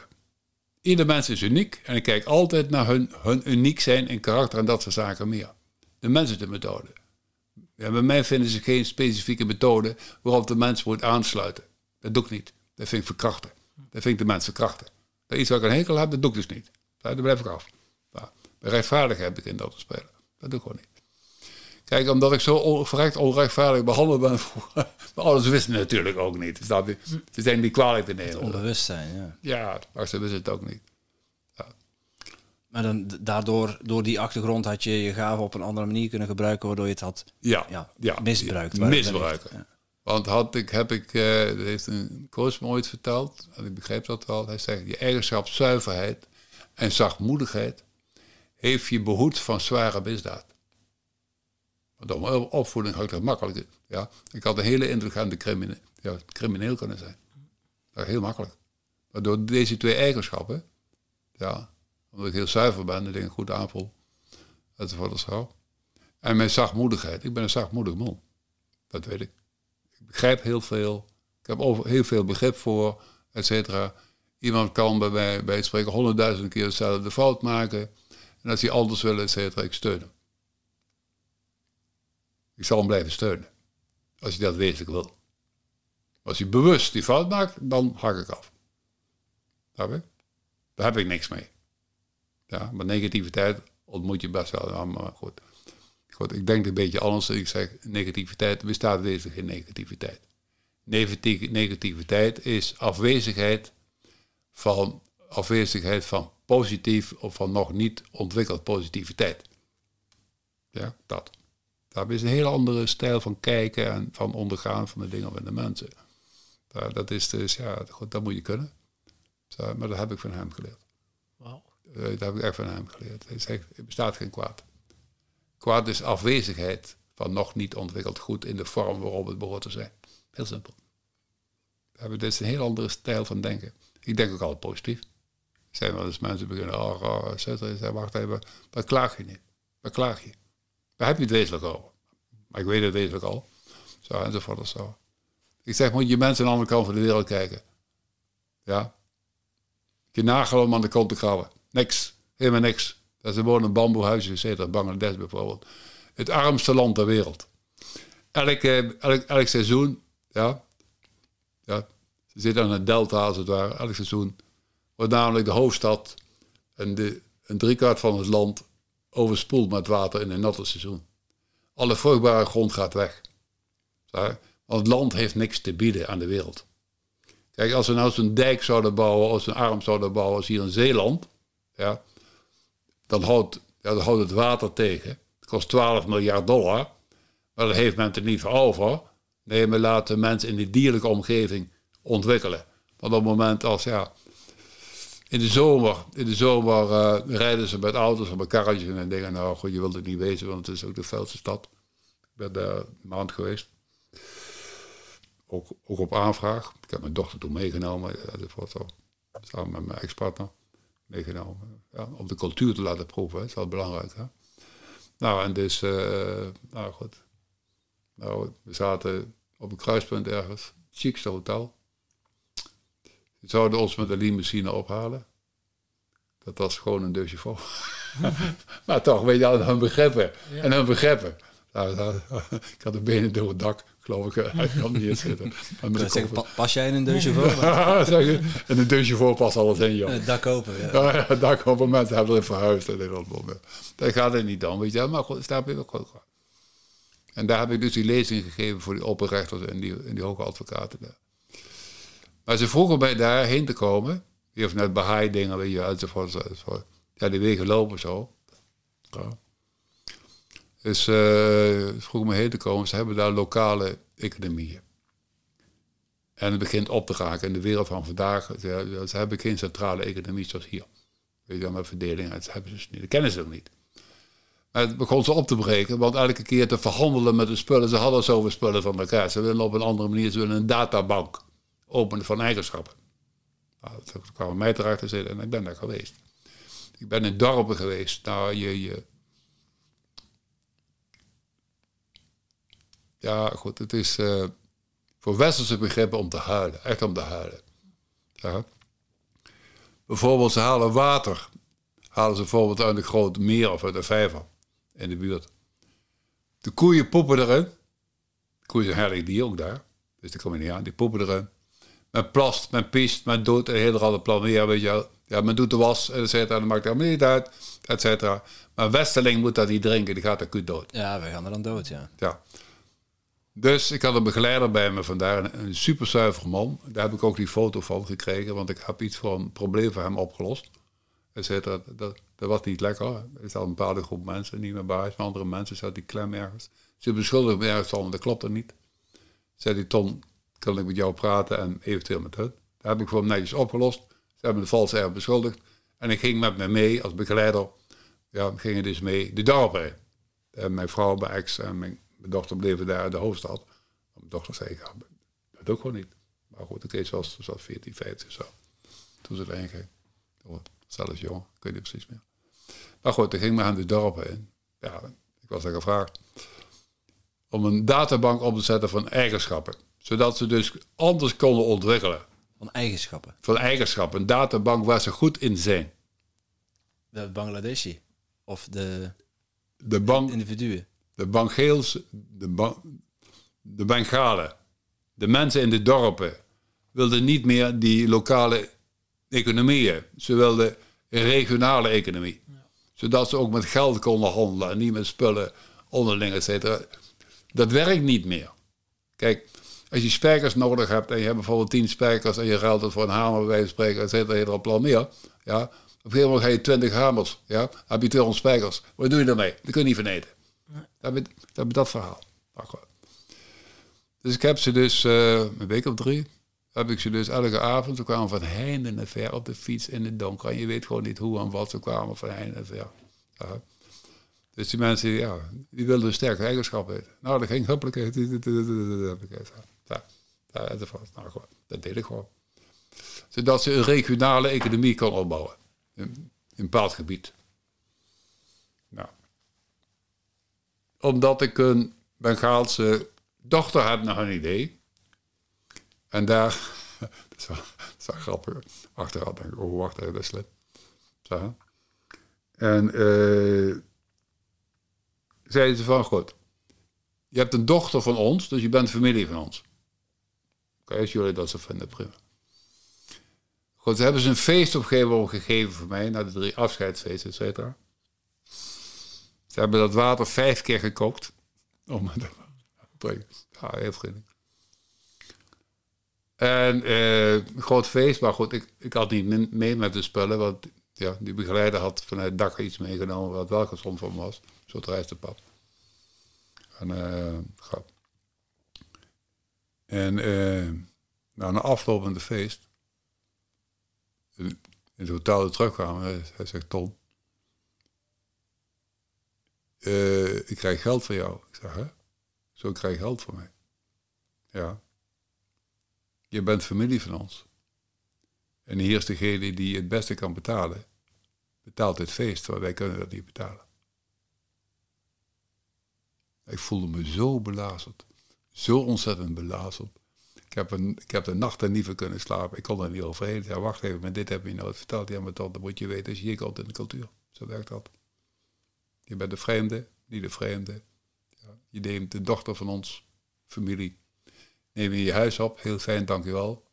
Het feit dat je hierheen kunt vliegen, zo, kun je ook die zakken reis betalen. Ik denk dat ze er nog van eten, maar gewoon. Ach, weet je, achteraf denk ik, weet je, als dat zo werkt. Ja. Weet je, in Samoa is precies hetzelfde. Ik ben in Samoa geweest. In West-Samoa, je hebt het Amerikaanse oosten, hoort bij Amerika en West-Samoa. Dat was de koning Bahai. Ja, een grote eilandengroep was dat, de koning was Bahai. En daar was ik een keer om, uh, om eigenschappen verder te helpen ontwikkelen bij een bepaalde groep mensen. Hoe dat werkt en hoe dat meer uh, inbrengt. Want ze wilden daar de kinderen op de scholen daarvan gaan leren. En, uh, nou. En, de, heert, de eerste wet van de rechtvaardigheid. Als jij binnenkomt in de souvenirwinkel wij spreken, betaal dezelfde prijs als de inwoners. Hetzelfde. Geen dingen, et cetera. Ook daar geldt de regel. Als je het meest verdient, deel je dat met de familie. Zodat ze evenveel geld allemaal samen hebben. Ja, daar de regel ook precies hetzelfde. Ze hebben een andere vorm van kijken, et cetera. Dat zijn allemaal een grote familie. Moet je hier doen. Ja. Daar is een heel andere, een heel andere cultuur. Dus ik heb daar veel geleerd. Je valt families uit elkaar vanwege erfenissen of geld. Ja. Ja. precies. Weet je wel, het is allemaal dat hebben, dat hebben. Kijk, wat hier gebeurt is namelijk, kijk, waar ik in denk, waar ik in denk, trouwens, zijn vader heeft gezegd van luister eens, alles wat gematigdheid overschrijdt, is verderfelijk en roept kwaad op in de wereld. Of althans niet, of weet van God. Ja, dat roept zijn. Want als we te materialistisch denken, verkilt het hart Mens wordt ego. En doodt het leven in de ziel. Die geesteskracht, die enthousiasme, dat doodt het. Kijk maar om je heen. De wereld wordt steeds ego, steeds dierlijker, steeds hebben, et cetera. Mensen kunnen om een fluit, kunnen ze, et cetera, kunnen ze elkaar verlaten, et cetera, et cetera. Mensen worden steeds meer ego, et cetera, waarom het materialisme via het hoogbeeld. Heeft gezegd van, kijk, alles met gematigdheid. Zo. En als welzijn niet hand in hand gaat met materialisme, dan is het, ja, ja, dan is het fanatiek. Dan is het fanatisch. Als je alleen naar welzijn kijkt en niet naar het materieel, ja, dat is ook niet goed. Beide hebben elkaar nodig. Ja. Hand in hand, dat moet hand in hand gaan. Wat krijg je dan? Hij zegt ook, industrie moet in dienst staan van de landbouw. Dat zei hij al in 1863. Wat gebeurt er? Wat denken we die luchtvervuiling vandaan kwam, de hele plan meer? Industrie. Mensen hebben dat niet gevolgd. Maar ze, ze moeten dat gaan volgen. Kijk, al twintig jaar geleden was de mensheid in staat om voor 15 miljard mensen te laten voeden. Dat is de staat. Dat doen ze niet. Industrie is belangrijk. De mensheid is in staat auto's te bouwen van 100 jaar en langer. Die gaan mee. De staat hebben ze. Doen ze niet consumptiemaatschappij. Snap je? Als met die consumptie, als met die consumptie, als met die consumptie. Nou, dus de mens graaft diens eigen graf. Dat is namelijk bezig. Want we zijn één ecologisch geheel, zijn we dus. Namelijk met de natuur, met alles. één ecologisch geheel. Kijk, ik zie de mensen ook uh, bijvoorbeeld van... Uh,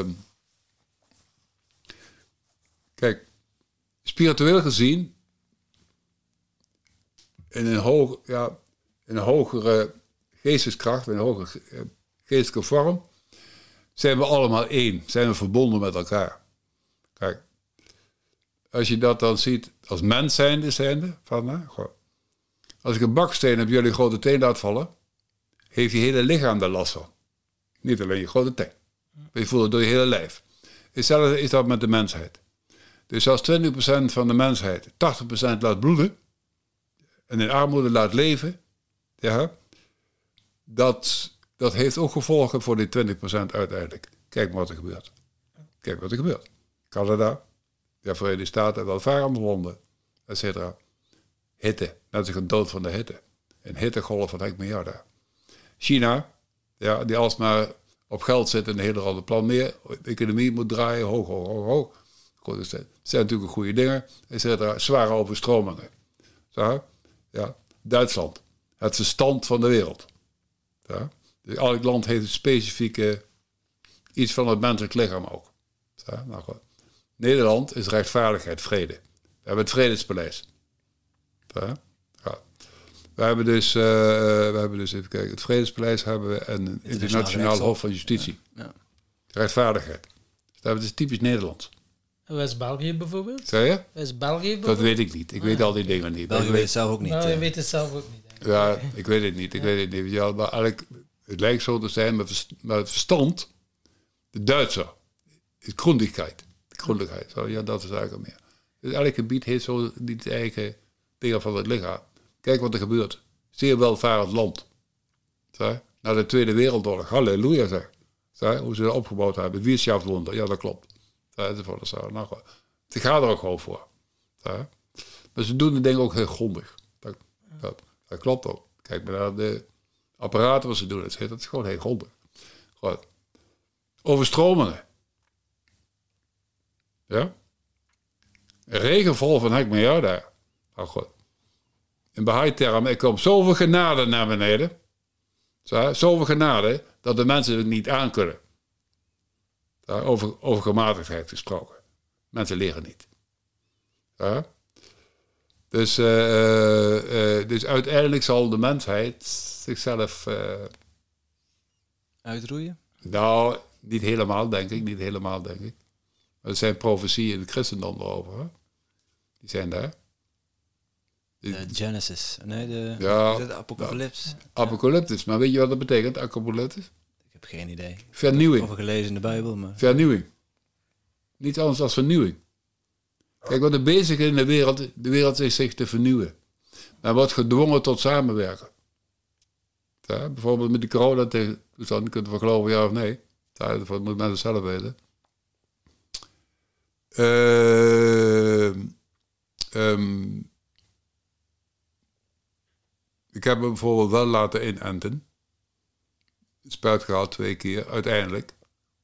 Want in eerste instantie denk ik van nou, dat moet ik niet doen. Zo. Ik ontmoet mensen met corona, ik vader zit en blijft er buiten, dus en ik signaleer dat en zo. Enzovoort. Ik wil, ik wil geen gif in mijn lijf. En mijn immuunsysteem is niet zo, is niet zo sterk. Door dat gouden en opvoeding. Enzovoort. Dus ik neem geen gripprik. Ik moest laten een prik nemen voor bepaalde weet niet, ik weet niet precies wat het was. Maar goed, de huisarts zei, Ton, doe maar niet. Want je wordt er ziek van, waarom zou je ziek worden terwijl je niet gezond bent? En hetzelfde hiermee, dus ik overlegde wij. Ik zei, ja, wacht, ik kan dingen op naam lezen, op naam. Dus al die dingen ben ik lastig daar zeker ga ik doodvallen, dat wil ik sowieso al. Ja, analyseer op naam. Janssen moet ik niet hebben, klopt niet voor mij. Er zitten, zitten bijwerken in die men niet beseft. Ik ben zelf voorzichtig met Janssen. Zo, ik wil Pfizer, dat wil ik. Als ik het neem, neem ik Pfizer, anders neem ik het niet. Dan heb je Moderna een heel ander plan meer. Goed, dus ik heb één keer laten lopen. Ik heb uitnodiging laten lopen. De tweede uitnodiging kreeg ik. zei, wacht ik wil Pfizer. En iets in mij zei, Ton, op het moment dat jij gaat, dan hebben ze Pfizer. Want dan hebben ze Pfizer in overvloed. En al die andere, al die andere dingen zijn al achter de hal gehaald, et cetera. Die past me al niet meer toe.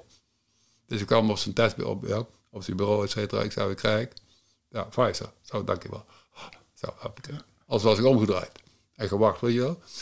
En dan komen ze uiteindelijk komen ze toch langs de deur, weet je wel, met die, uh, met die bussen. Ja, in Nederland. En dan proberen ze mensen aan te bellen, ze toch over te halen, de coronaprik te halen. Met bussen? Ja, in Nederland komen ze met coronabussen langs. Mensen die uiteindelijk niet willen. Die tot nu toe weigeren. Proberen ze toch over te halen. Want ja, kijk, als iedereen gevaccineerd is, ja, dan houdt men die derde golf weg. Waar, waar men bang is in Nederland. Of de vierde, weet ik veel. veel. Zo, nou goed, dan komen ze aan de deur, komen ze alsnog. En dan kun je kiezen. Snap? Dan kun je echt zelf kiezen. Snap je? Terwijl eerst, dan moet je volgens de wet volgen en dan moet je uiteindelijk kiezen, want ze met een strip Oké, okay, goed, prima. Dat zien ze dus niet allemaal. Snap je? Dat. Dus ik kreeg Pfizer. En mijn vrouw precies hetzelfde, die wil het ook niet. Ik zeg, neem Pfizer. Ik heb vrienden gehad die zeiden, ah, Tom, AstraZeneca. Ik zeg, moet je niet doen. Dan krijg je bijwerken van, ah, Tom. Dat zal wel. Weet je, je weet veel, maar dit, dit niet. Dat gewoon. En wel hoor. Ik ervaar dat, maar dat betekent niet dat wat ik ervaar, ze moeten allemaal moeten volgen. Dat zeg ik ook niet. Dat moet allemaal zelf weten. Maar goed, ik heb Pfizer. Dus 4 augustus heb ik de laatste prik gehad. Dus ik kan overal naartoe. Maar ik, ik pas wel even op. Ik wacht de boot wel even af. Dat doe ik wel, want ik weet niet waar het heen gaat. Dus die mij zegt, Ton, ga even de grenzen niet over. Doe dat even niet. Wacht maar even af, want al die restricties tegenwoordig, weet. Dus zoals je in Frankrijk maar één, spuit hebt gehad, dan kom je het land hier al niet meer binnen, want dan moet je quarantaine, weet je. Dan veranderen ze dan de plekken als je op vakantie bent. Ja. Eh, Dit, dit, dit, dit, soort, dit soort onrechtvaardigheden. Ja, kinderen, hele kinderen die, die vanuit Spanje niet, niet terug naar huis konden. Ja, Jo- ja. Jonge kinderen, Ja. 14, 15, die zonder, Ja. zonder ouders op vakantie waren. Ja, En ik ja. zie ook eh, dat we Ja. over de tijd aan het gaan zijn. We Wauw. hebben nog drie vragen te stellen. Oké, sorry. Ik En, ik ben eh, Dat is ja. zo boeiend. Het is zo boeiend. Tijd staat stil, hè? Dat zei je net. Zei je? Dat zei je net. de Waar echte stil. betrokkenheid is, houdt tijd op te bestaan. Of hij zegt het anders, waar echte liefde tussen mensen is, houdt tijd te bestaan. Ja, Dit is maar net het want we hebben nog een afspraak in eh, Lelystad om eh, ja, zes uur. Dus eh, dat gaan we niet meer halen. Maar, maar ja, Dan wordt het 7 uur. Zeven uur, geen probleem. Maar de vraag die we nog wouden stellen van onze vorige gast, hadden, eh, hij vroeg van, ja, wie is uw volgende gast? En we zeiden, in een visionair, en we hadden hem kort verteld over Ja. jou. Ja. Dan zei hij, wauw, nu heb je wel mijn nieuwsgierigheid geprikkeld. Ik ben benieuwd wat dat hij over mij zou vertellen. En mijn naam is Glenn Vergoosen. Wat ga je ermee doen? Eh, hij, was, eh, hij zei gewoon, ja, eh, Tom mag er iets over vertellen. Maar wat gaan jullie ermee doen? Nou, de, de vraag, eigenlijk de vraag van de vorige gast beantwoord krijgen. Dat doen we ermee. Ja. Ja, en dan? Maar misschien eh, eh, Krijgt hij dat te verder, weten? verder niks. Dat hij, moet, weten? hij moet terugluisteren als hij het wil, eh, wil weten, ja. Nee, dat is niet mijn gewoonte. Oké. Dat is niet mijn gewoonte. Maar kijk, ik vertrouw jullie wel. maar Ik heb het niet van hem. Heel simpel. Ik kan er wel iets over zeggen, maar ik ga niet de diepte in. Dat doe ik dus niet. Nee, de, diep, Nee, de, nee. diep, de diepte, Maar daar gaat het niet. niet om. Het- was meer van, eh goh, wat voor vraag zal ik bedenken? Eigenlijk zeggen we nooit wie de volgende gast is. Oké, oké, En eh, dat was toeval. Ja. oké. Eh, hoe heet hij, zei je? Glenn Vergoosen. Vergozen is één woord. Vergozen, Ja, dubbel O, dubbel S. Dubbel O, dubbel S.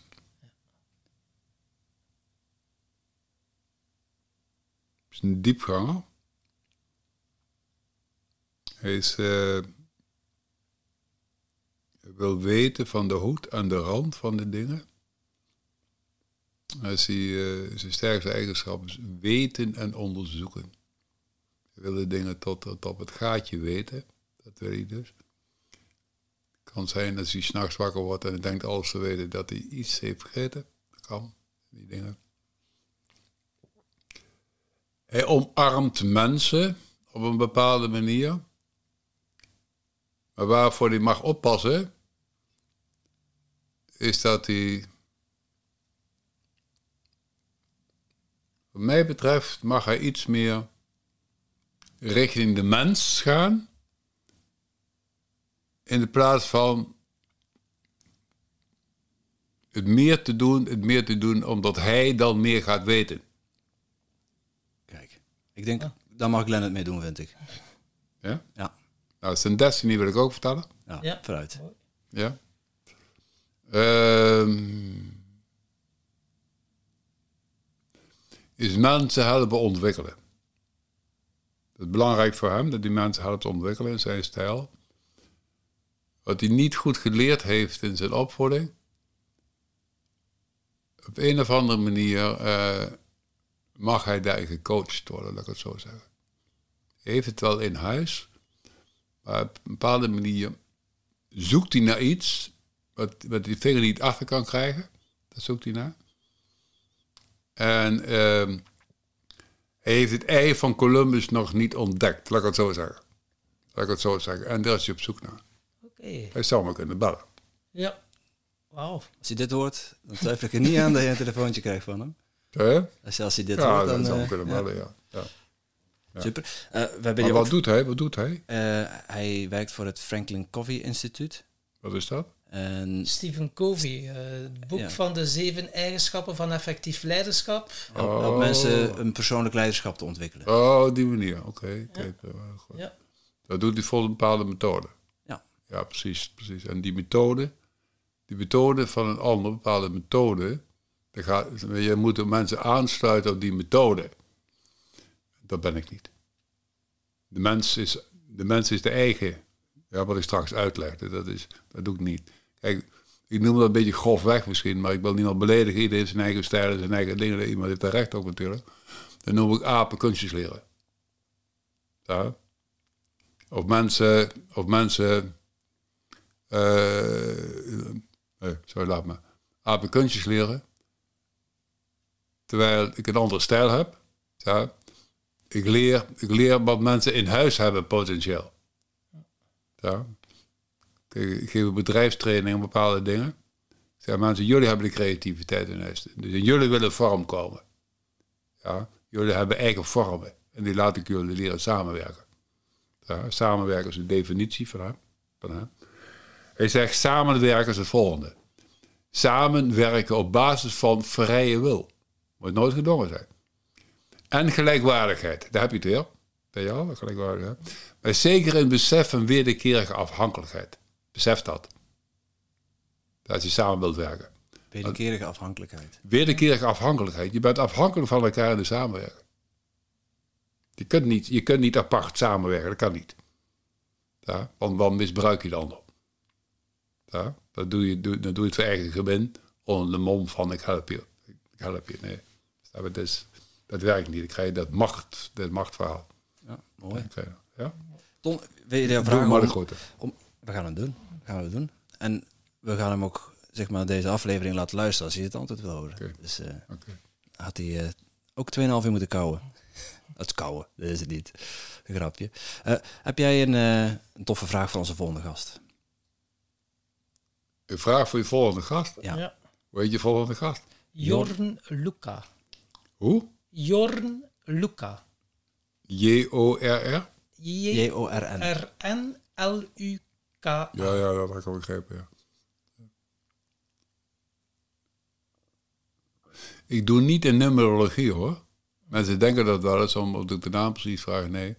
De naam geeft aan de zuiverheid. De zuiverheid, weet je, hoe zuiver ik de naam weet, hoe zuiverder de dingen doorkomen. Ja? Dus ik doe niet in numerologie. Want dan hebben allemaal uiteindelijk toch een bepaalde groepen mensen hebben allemaal hetzelfde. Ja. Bij mij kan dat niet. Dan ben je niet meer uniek. Ja. Ehm, wat doet hij? Wat doet jij? Eh, Hij is presentator en eh, heeft ook een podcast, The Truman Show, waarin hij ja, op een eigenzinnige manier eh, ja, mensen leert kennismaken met een ander, ja, zijn, zijn waarheid of andere waarheid. Mensen wakker schudden, mag ik het zo noemen? ja. Dat doet hij op een humoristische manier? Ja, humoristisch, ja. ja. En serieus tegelijk. Ja. Ja, ja, is ja. informatief, maar niet de mainstream media. Nee, nee, nee, nee. eh, Maar is een soort cabaretier? Weet ik niet. Ja, weet, ik, de we weten- koers, ik, ik weet bijzonder weinig van onze toekomstige gasten. Oké, Althans, kunnen we niet meer verrast zijn. Hoe kom je nou? Hoe we aan hem komen? Ja? Via Tom. Ja, hij heeft eh, de Truman Show en ik heb een paar interviews gehoord Oh, en hij die legt echt wel de waarheid aan het licht. Ja, ja. Echt wel met Ja, ja. eh ongelooflijk Marcel Messing. Dat was een podcast die ik gehoord heb. Dat was ongelooflijk. Hij is begaafd. Ja. Hij is eigenlijk begaafd. Hij weet heel goed wat hij doet. Heel goed. Of ik een vraag aan hem heb? Ja, Ja. Welke vraag, met welke vraag zouden we het interview kunnen starten? Moet ik dat, moet ik dat zeggen? Ja. Je zei Ja, toch dat je, Dat is ons dat is een expert. Ja. Nou, vertel eens iets. eh, begin eens, vertel eens iets over je familie. Oké. Mooie vraag. Ja. En ook heel benieuwd. Ja. Eh, tot slot, onze podcast gaat over geluk en succes. En heb jij voor ons een... Wat is jouw definitie van, van geluk, Ton? Oeh. Geluk is iets wat je moet verdienen. Geluk komt niet zomaar aanwaaien. Werkelijk geluk betekent voor mij dat je begrepen hebt, om zijn terminologie te blijven, het leven is one sweet cup and a hundred bitter ones will follow. That's life.